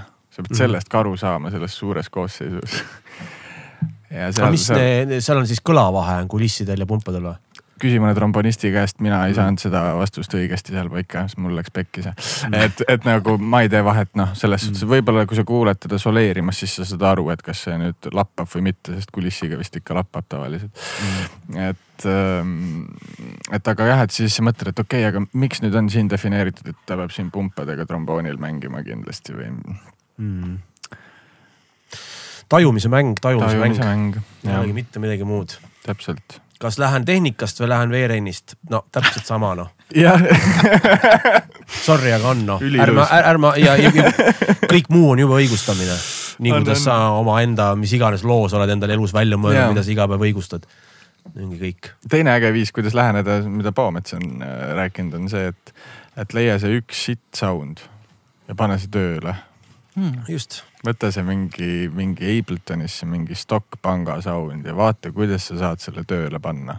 et ei ole noh, jah, mina olen leidnud Logicust väga palju selliseid asju, aga mis ma olen teinud Logicu sound idega on, ütleme loop idega, ma olen muutnud totaalselt tempo ja ma olen kuidagi sobitanud ta kuhugi sellisesse konteksti, kus ta ei peaks olema ja see on minul puhtalt selline DJ Shadow nagu armastus, et äh, minu arust see mees on võtnud mingeid asju, et okei okay,, mis värk sellega on ja siis tuleb mingi muu asi peale, sa võtad nagu täitsa pekkis siit, siit igasuguse loogika ja paberite järgi ei tohiks toimida, aga see toimib kõige paremini ja siis avastad, et selliseid tüüpe ei ole.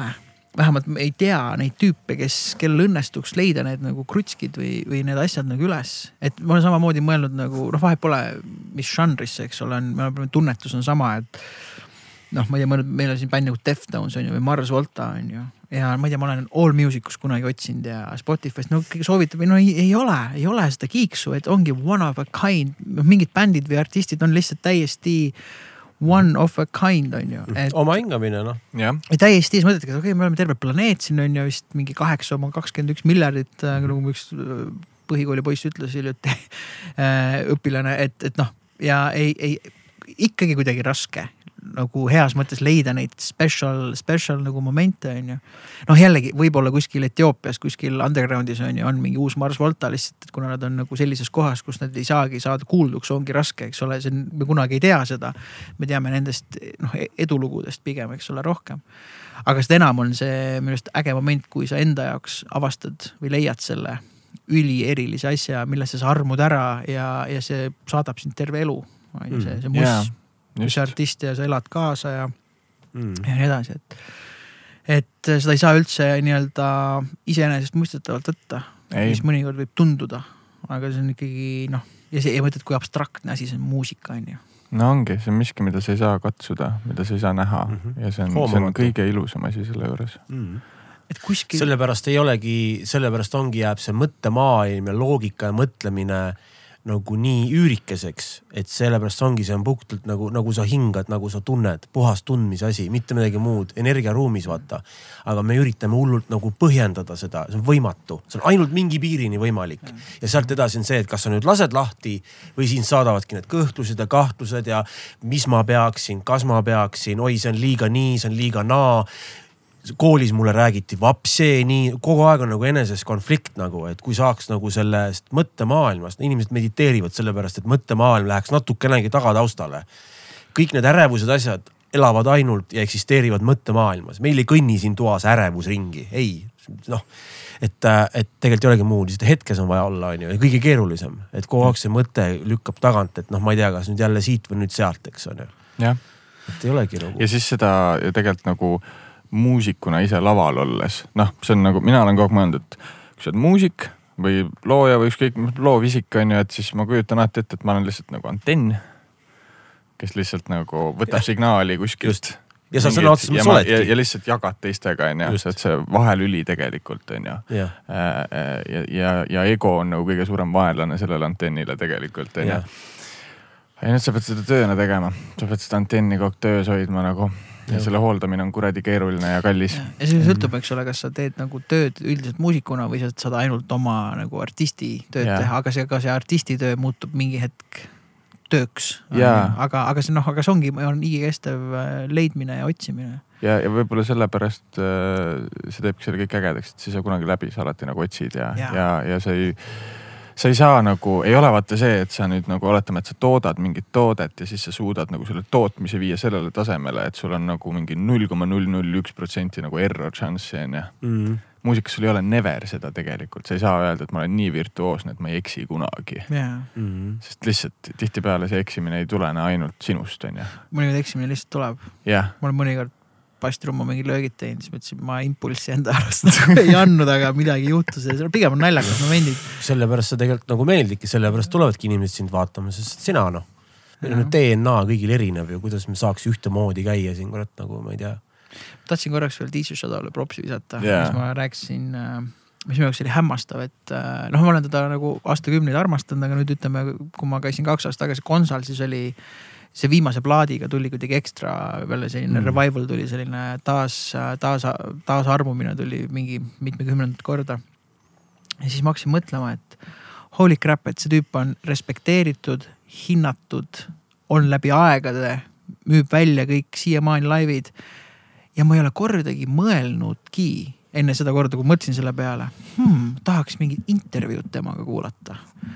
isegi järsku mõtlesin, et oh shit, ma isegi ei tea, milline välja näeb. Mm. mis mu point on, ei olegi oluline, sest ta muss räägib enda eest, kui me mõtleme tänapäeval selle turundus ja selle muu maailma Mm. mitte et ma ütleks, et ei tuleks teha, aga siis mõtlesingi, et see on DJ, kes tegi underground tüüp on ju, keda on saatnud ka muidugi paljude lugudega noh, nagu nii- nii-öelda põhimõtteliselt ütleme siis underground mainstream edu on ju.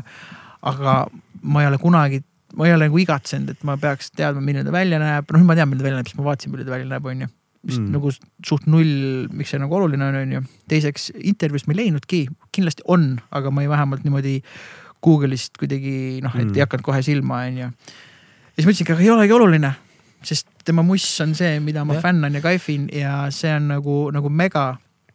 siis ma just hiljuti sattusin Youtube soovitas mulle, kuidas nüüd selle aasta Grammidel, Deftones ja siis punasel vaibal, et see mingisugune noh, stiilis Elu kakskümmend neli tegi Intekat on ju ja siis noh, nad siis küsisid mega sensatsioonilisi, suure energia küsimusi ja siis Deftonsi tüübid mega muhedad, jaa, me oleme siin Grammidel ja päris cool on ja võitsime, noh, et nagu Gino oli selline kõige nagu mm. laadnam nagu muhe tüüp ja siis need. just vaata seda nagu harjud, et seal punasel oli, ah feeling so amazing vaata, et noh, et fabulous on ju, aga Deftonsi tüübid, Sacramento kutid tulime oma Grammile Nad võitsid ka või?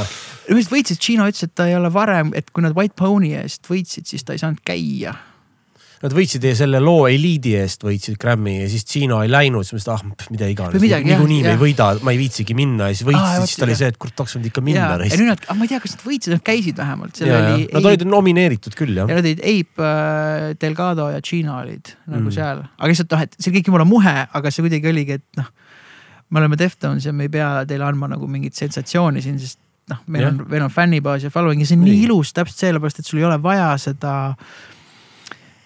noh, mõned tüübid jälle on äge, kui nad on nagu celebrity, eriti vaata mingi koomikute puhul noh, sa tahad, et Chappelle kuskil paneks kellelegi ära vaata või noh Mm. mm., nagu heas mõttes või teeks mingi nalja, et see on nagu mingi teine dünaamika, mis, mis meile nagu meeldib. Nad on erinev jah, ühed on bänditüübid, teised on see, mis on nagu osa tööstusest ja glämmist ja sotsmeediast ja nii ongi, ega noh. Kui palju neid päris bänditüübid nii hullult muutuvad, noh kujuta ette, et Gino oleks nüüd see, et oh jee, kõik on Maxi Glam ja ajab seda Glam'i juttu. See oleks imelik. noh, nad on algusest peale olnud need tüübid ja Shadow puhul samamoodi, lihtsalt see on see, et kui sa oled kultus, ega ei olegi, sul ei olegi vajagi midagi. võtame sellest Shadow'st kuni, kuni nende UK eh, trip-hopi asjadeni välja, Massive Attacki või asjad tüübid. Pole küsimustki, lihtsalt Jaa. see on nii, see on nii kõrge pilotaažiline arts nagu, mida tehakse ja senikaua, kuni nad teevad, kui nad teevad, see on, see on kõik, mida me vajame ja me ei küsitlegi midagi, see on nagu entiteet omaette noh. jällegi noh, erinevat sorti artist on, onju, et nagu ja. mõne artisti puhul sa tahad seda maagiat, sa ei taha, et see kaoks sinu jaoks. ma toon, ma toon näite korra teatrist jälle, kuna mu mõlemad vanemad on näitlejad, mu elukaaslane on näitleja. siis nad on rääkinud nagu sellest, et ku- kuidas nemad suhestuvad näiteks mingisugustesse ähm, intervjuudesse.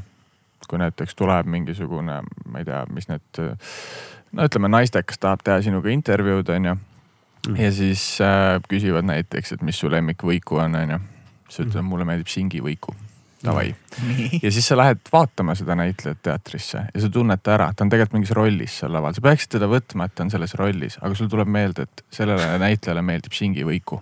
mm.. see, see lõhub ära selle maagia, et sa mm. nagu tahad natukene seda, et noh, ta ongi mingisugune kultus lihtsalt, onju. Mm. ja teine pool on need artistid, keda meeldib lihtsalt vaadata kui inimesena. minu arust on mm Mhm. -hmm. üliäge on, et me elame sellisel ajal, kuidas üha rohkem on muusikuid, kes vlogivad Mm. oma elu. Mm. üks saksofonist äh, LA-s on äh, Bob Reynolds, kes üsna aktiivselt vlogis mingi aeg, noh iga päev. ja, ja kõik on muidugi üsna sihuke educational ka ja üsna saksipõhine onju. Aga siis ma käisin Amsterdamis ta kontserdil ja pärast jäin rääkima temaga, ütlesin, et nagu see on nii äge, et ma olen saanud jälgida sinu poja mingi, et ma tean, et su poeg hakkas kaks nädalat tagasi kõndima ja, ja ma näen sind nüüd siin laval, ma, ma nagu olen nii kursis sellega, et mis sa oled viimasel ajal läbi teinud ja ma saan sind lihtsalt inimesena võtta. Mm. ja, ja see annab mingi täiesti teise dimensiooni, see noh, ma ei, ma ei, ma ei lähe nagu sinna kontserdile selle haibiga, et ta on rets saksofonist, vaid ma lähen teda kuulama lihtsalt, et ta on äge inimene. Mm. et minu arust on tore. väga aus, see võib toimida ka mõlemat see peab pidi. ausast kohast tulema Jah, jah see ongi jah. see case, mitte ei ole nagu nii, et okei okay,, täna meil on nii ja meil on mingi kuradi PR jahvid ümber ja nüüd me hakkame siin avalikku mingit suhtlust looma, kuule cut the shit nagu. ja seal taga on tegelikult kuskil inimene, kelle, kes lihtsalt emotsionaalselt on lõpuks siis on nagu sidrun tühjaks pigistatud. aga kus nüüd mina jäin, kes ma nüüd siis olen? ja siis minnaksegi metsa kuradi ma kuhugi hütti elama ja jah, ja vlogi pidama, et ikka tööstus on kuri ja, ja perse on ju, mis on nagu kahju jah, et noh, et talle jõuab kohale see siis, kui ta on tühjaks pigistatud, onju. just, just sul ei olegi muid assotsiatsioone ümber, ei tekigi midagi muud, sul on mingi delegatsioon ja davai, tšop-tšop hakkab pihta noh. jah, mulle väga meeldis see Singi Võiku analoogia mm.. mulle väga meeldis see, ma täiesti, see on väga hästi sõnastatud. ma olen ise püüdnud seda seletada inimestele kuidagi oma veidral segasel kombel see on jah, see on hästi öeldud küll. või no mis iganes. ja noh, tegelikult, tegelikult ongi, no ma ei tea, kuidas teil on, aga mul on hästi raske tegelikult Eestis käia nüüd Eesti muusikuid kuulamas, sest et sul on kohe mingi muu seos. mm. -hmm. Ma tean, et see tüüp pani paska mingil teisel laivil ja ma ei suuda seda tõsiselt võtta. et aga samas näiteks äh, teatris on nagu hästi põnev käia, et ma- mulle meeldib käia just nii, et äh, mul elukaaslane valib etenduse välja. ma ei taha teada, ma ta,, ma saan võib-olla teada lihtsalt asukoha ja mis see tüki nimi on mm.. Ma ei taha teada, kes on lavastaja, ma ei taha teada, kes on näitlejad või kes on Mm. muusikalise kujunduse eriti teinud, sest mul on kohe eelarvamus nagu ta. pani mingi pasa kuskil maha? jah, ta pani mingi pasa kuskil muidugi tegelikult äh, see pask peab õige olema. Kujuta ette, et nüüd näiteks uuel aastal mörditüübid äh, lähevad auhinda vastu võtma, teevad suitsu ja on purjus ja, ja mingi küll jumala lahe kõik. Ja. Sa võtavad auhinna, tõmbavad naaksust, see on cool nagu jah, on ju, et see nagu läheks justkui nagu kokku noh, et, et aga muidu küll ja, et sihuke nagu võõrkehana juurde liita on sihuke eh, nagu kas siis cringe või on sihuke, et kurat, no kas oli vaja nüüd seda mingisugust peerunalja kuskil nagu meedias tema, tema suust kuulda, eks ole. ja või teine asi on, et see pani mingi noh, või paljastas mingi õige asja, on ju. või siis üldse nagu pani mingi noh, korraldas mingi konsal mingisuguse jama, ühesõnaga Jah, mis iganes jah. sfääris, mis ikka noh. ta mingi sõimas või mis iganes on ju, oli ebaviisakas kellegiga, eks. jah, tulnud kohale. no teine, teine, te te- te ei tulnud kohale, vot see on küll next level. next level jah. ei no ikka juhtub inimestel asju, ma räägin siia, me peame varsti minema küsimuste juurde, Aa, aga aga, aga ma räägin siia ühe loo äh,. ma ei ütle, kes see oli ja ma ei ole ka temaga confirm inud, kas see lugu on tõsi, aga väidetavalt äh, oli keika. ühesõnaga, tüüp oli book inud õhtu jooksul kaks keikat. üks oli klubi stuudio ühe artistiga ja pidid vist mängima no, kolm setti onju. tüüp vist tegi niimoodi, et ta mängis esimese seti ära siis läks, tegi selle teise keikal esimese seti, siis tuli tagasi stuudiosse, tegi seal siis selle esimese bändiga teise seti ära. Siis läks minema ja kolmandaks setiks tagasi ei tulnudki ja ei öelnud ka kellelegi, et ta ei jõua, sest tal oli vist mingi selline ajaline error, et ta nagu ise teadis, et ta seda kolmandat seti ei jõua tegema. aga ta ei rääkinud nagu läbi neid asju. noh, ja, ja, ja pärast oli selline noh, noh õlgu kehuti, noh jah, mis ikka või noh, ühesõnaga no, jah, aga samas ja- eh, vaata, kui ta ei oleks üldse tulnud ja ei oleks öelnud, oleks hullem kui see, et ma tegelikult andsin ära ja, ja iseenesest on nagu ikkagi mingi võit on käes nagu. Ja aga selle inimesega siiamaani nüüd väga palju koostööd teinud ja neid asju pole näinud ega olnud, aga lihtsalt, et see on noh, see täpselt Mm. selline uskumatu lugu, et kui sa räägid inimestele, kes ei tööta muusika vallas, siis nad noh mõtlevad, kuidas see asi koos püsib ja miks Mm. kõik ei ole vallandatud väga hästi püsib, järelikult on väga rets tüüp, ei saa lihtsalt vallandada. ei saa vallandada ja ongi, ongi väga rets tüüp. selles asi ongi. eks ta oli ka noor ja, ja võib-olla ei osanud nii hästi kommunikeerida oma mm., oma topelt booking uid, kui oleks võinud. aga no see on lihtsalt, see on üks sellistest nagu ultralugudest, noh, et, et mm. nagu mis loogika et tegelikult väga lihtne asi, mis rääkida läbi ja, aga ta, ma arvan, et kas ta siis julgenud või unustas või mis iganes on ju, aga lihtsalt, et, et, et vahel juhtub selliseid mm. asju ka. minu arust on lahe idee see, et ma, ma ei mäleta, kes see rääkis või, või tegelikult mingil bändil äkki oli kunagi nii või? et sul on nagu bänd ja siis sul on enda bändist on veel üks bänd, mis on siis nagu kehade bänd, ehk siis ühe saadad Lõuna-Eestisse esinema ja ise esined Tallinnas no, Jah. see on nagu genius shit minu arust. ja üks, üks orkester Eestis teeb seda väidetavalt, et noh, nagu suur koosseis. et noh, turg on jumala eest miks siis nagu, miks peaks, see, see, tead see, tead see mingisugune see, kuidas see sõna on äh, mitte üks, üks sõna on süüdimatu, teine on nagu hä, hä, häbit, ei, häbematu või? häbematu. minu arust sellel on ka omad piirid, et äh, noh, see on suhteline nagu see, et ühel et normaalsused on inimestel erinevad, mina ei tea, minu arust on kinda nagu päris lahe, kui sa tegelikult pullid kasvõi mõne kontserti ära niimoodi, et sul on tegelikult kaks bändi lihtsalt töös, vaata. Mulle nii meeldis, et vahepeal tõmmati käima Facebookis üks grupp, mis oli Shannoni eitajate grupp. ehk siis hakati siukseid vandenõuteooriaid looma, et nähti kuskil Delfis mingit artiklit a la, et kuidas jõuab Shannon korraga kolmes kohas mängida.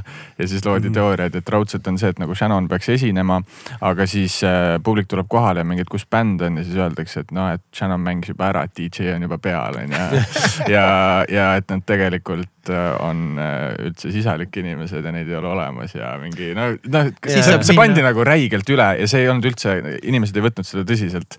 see oli rohkem, et lihtsalt mõnitada kogu seda värki, vaata. aga see oli nagu äge jah, et äh, tegelikult seal oli nagu. maailm vajaks seda praegusel Jah. hetkel. mõtle kuuekümnendaid, vaata, mis toimus, nagu kõik tegid hapet, kõik olid dinosaurused, kuradi eh, tähe, tähe, tähesõdadega ja kõige temaatikaga nagu, et see on nagu nii, noh, mõtle, milline loovus, praegu nagu nii kuiv ja kõik võtavad nii tõsiselt nagu. sest tegelikult on see, mõtle nüüd, sul on bänd, sa teed oma kehabändi, paned selle töösse, nii, mis nüüd siis juhtub? Inimesed saavad kurjaks, kah asi, tähendab, küsimus on selles, mis piirist saab seadus nii-öelda sulle liiga teha? Noh, vaata, kui sa teed kurja, tuleb politsei, me ei taha seda, on ju. Mm, -hmm. mis piirist, kus hakkab nüüd nagu seadus äh, sinu äh,, sinu pihta, kus on niimoodi, et okei okay,, et nüüd on nagu asi tõsine, eks ole, see on tegelikult väga pikk maa noh.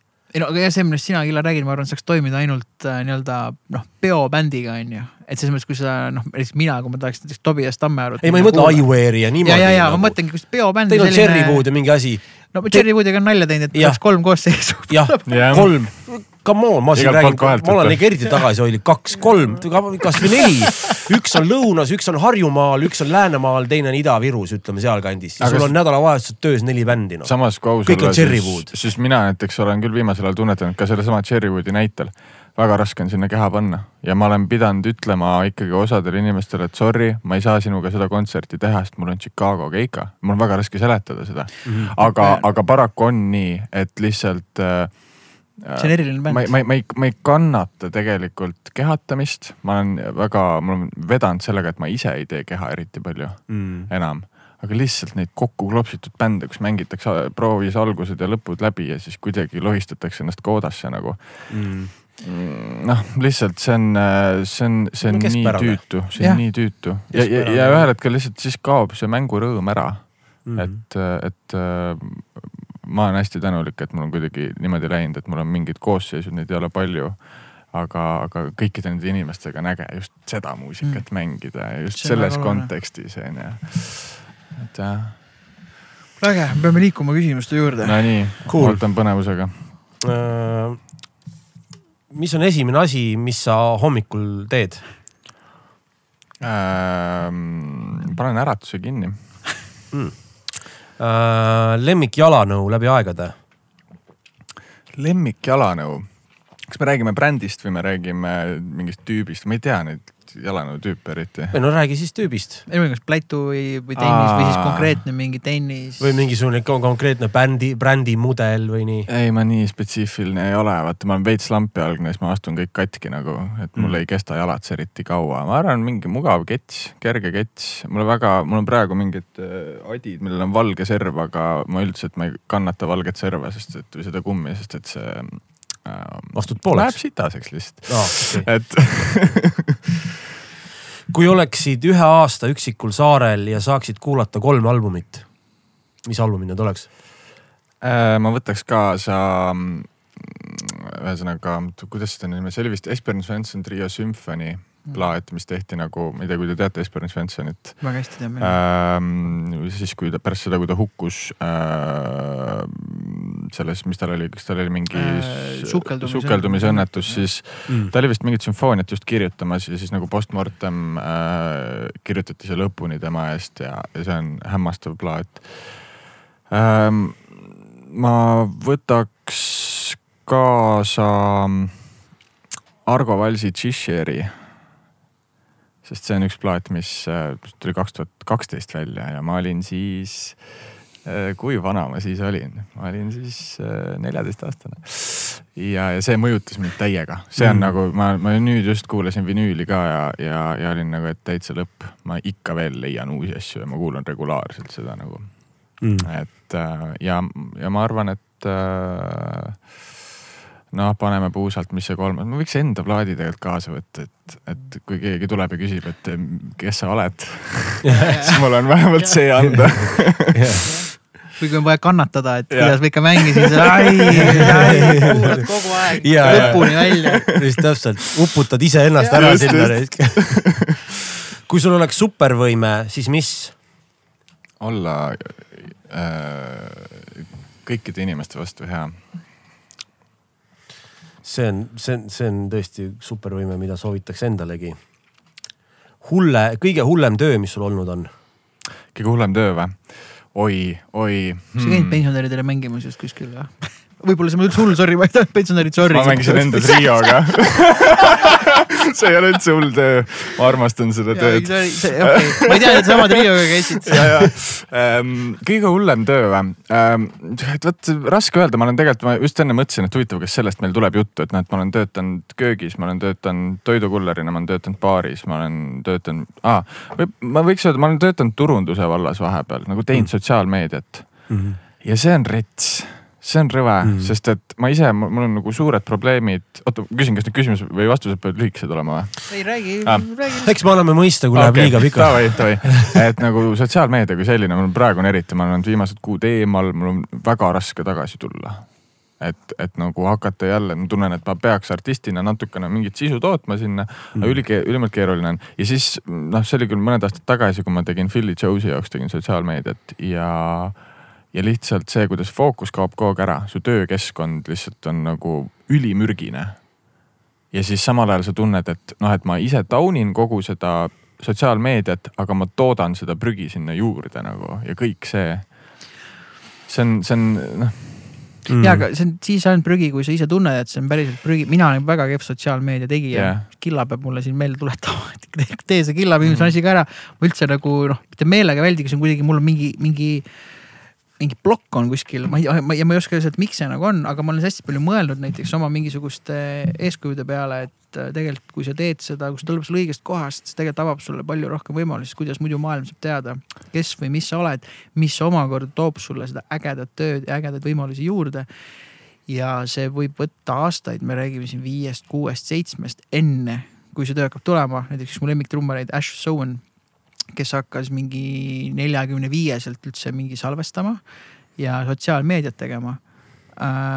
ja mängib igast ägedaid selliseid trip-hop beat'e asju, ütles, et nüüd talle helistab äh, Chemical Brothers ja tüübid ja tellivad talt biite sest nad nägid Instagramis ja ütlesid, oh kuule, me tahaks täpselt seda biiti või selle sound'iga biiti, kas sa saad meile teha.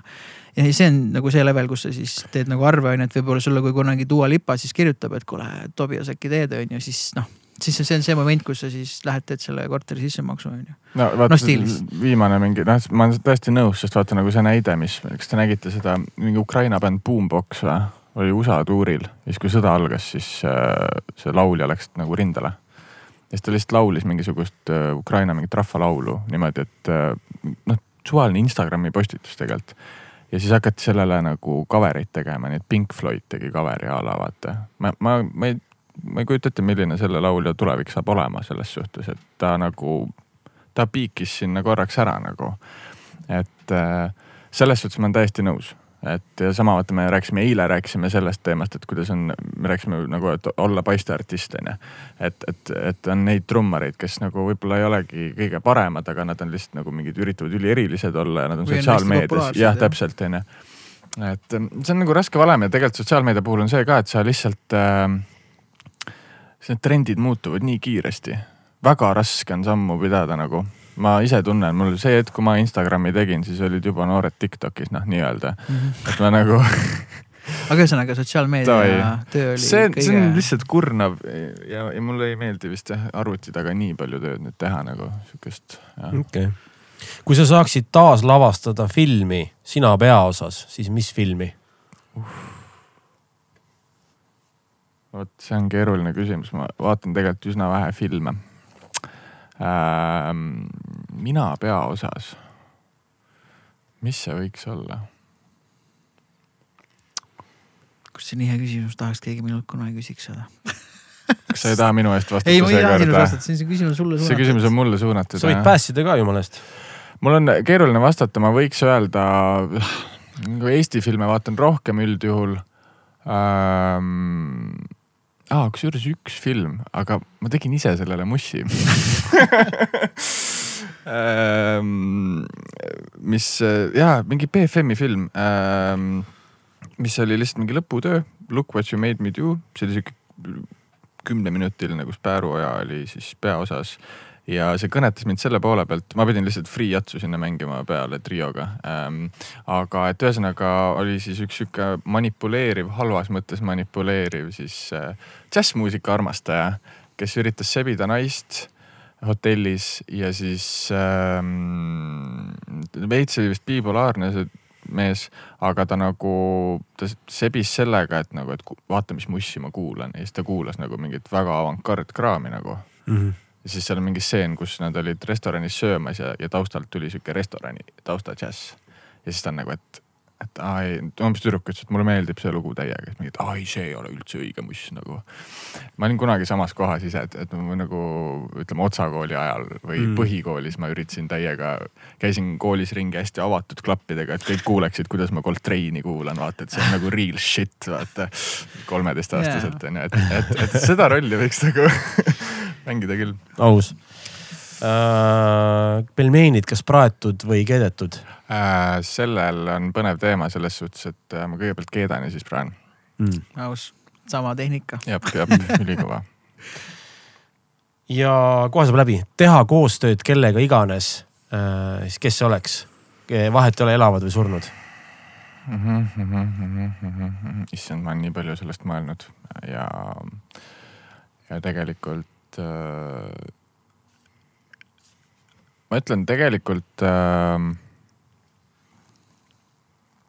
ma tahaks äh, teha koostööd mõne artistiga. lihtsalt katsetamise eesmärgil, ma tahaks teha mõne artistiga koostööd, kes äh,, kes teeb siukseid kaheaastaseid maailmatuure mm.. tahaks saada selle retsi tuuri kogemuse kätte nagu, et mm. mis tunne on olla mingi kaks aastat lihtsalt tuuri peal ja kuidas sa kohaned. nagu minu kõige pikem tuur on olnud poolteist kuud ja juba see andis räigelt tunda. noh, kõik mm. need rutiinid, asjad, mis sa pead ise uuesti üles ehitama ja. et, et mingi selline artist oleks, oleks väga põnev, vahet pole, mis mussi isegi. okei okay, mm., ma teen liiga, aga mm., aga, aga, aga selles suhtes jah no ma... Timberlake näiteks. või Bruno Mars või noh, mingi sihuke teema, vaata mm.. et see oleks üli, ülituus äh, mul on üks küsimus vahele no keda sa tahaksid siin podcast'is ise kuulda? siin kuulda või? Bruno Marsi jah ma korra mõtlen, et ähm, kellel jutt jookseb, kes räägib sama palju kui sina, et võib surnuks rääkida hommikuni, jah see on komplimenti kuradi sajatus. see oli kompliment praegu. ei, keda sa ise tahaks kuulda, noh, et kelle mõtteid või kelle, kelle värke, et sa oled ise käinud, sa näed, kuidas see on, mis me siin teeme, et mis sulle huvi pakuks, et kui tuleks sulle näiteks notification, jah et, sa, oh, panen, save in ära, et kui nüüd esimene hetk on, sõidan Viljandisse näiteks, siis kindlasti kuulan ära selle.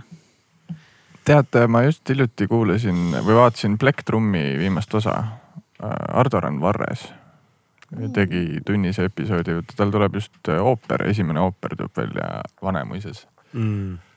ja, ja ma olen temaga ise mingi korra mingit reklaamimussi teinud, aga, aga ta on nagu jah, selles suhtes väga põnev inimene, et näitleja, tegelikult näitlejaharidusega ja kes töötas alguses näitlejana ja siis ta leping lõppes ära ja, ja öeldi, et kuule, aga tule muusikala juhiks hoopis Draamateatrisse nagu. et ta on nagu shift inud täiesti nagu muusika peale ja, ja nii mitmekülgne inimene. minu jaoks lihtsalt kuidagi väga kõnetavad viimasel ajal inimesed, kes on nii-öelda muusika ja teatri kuidagi seal vahepeal Mm. sest need kaks ähm, kunstivormi on, on tegelikult lähemal, kui me arvata oskame, seal on väga palju sarnast, sarnaseid lähenemisviise, kuidas me seda teeme ja, ja kuna ma ise olen ka nagu põgusalt seal teatri poole peal sees, siis äh, hästi äge on neid paralleele tõmmata ja kuulda teisi inimesi rääkimas sellest Mm. Cool uh,. minu nimi on uh, Tobias ja ma olen äh,. ma olen loovisik. aitäh sulle tulemast. Mees. aitäh, nukid. nukid.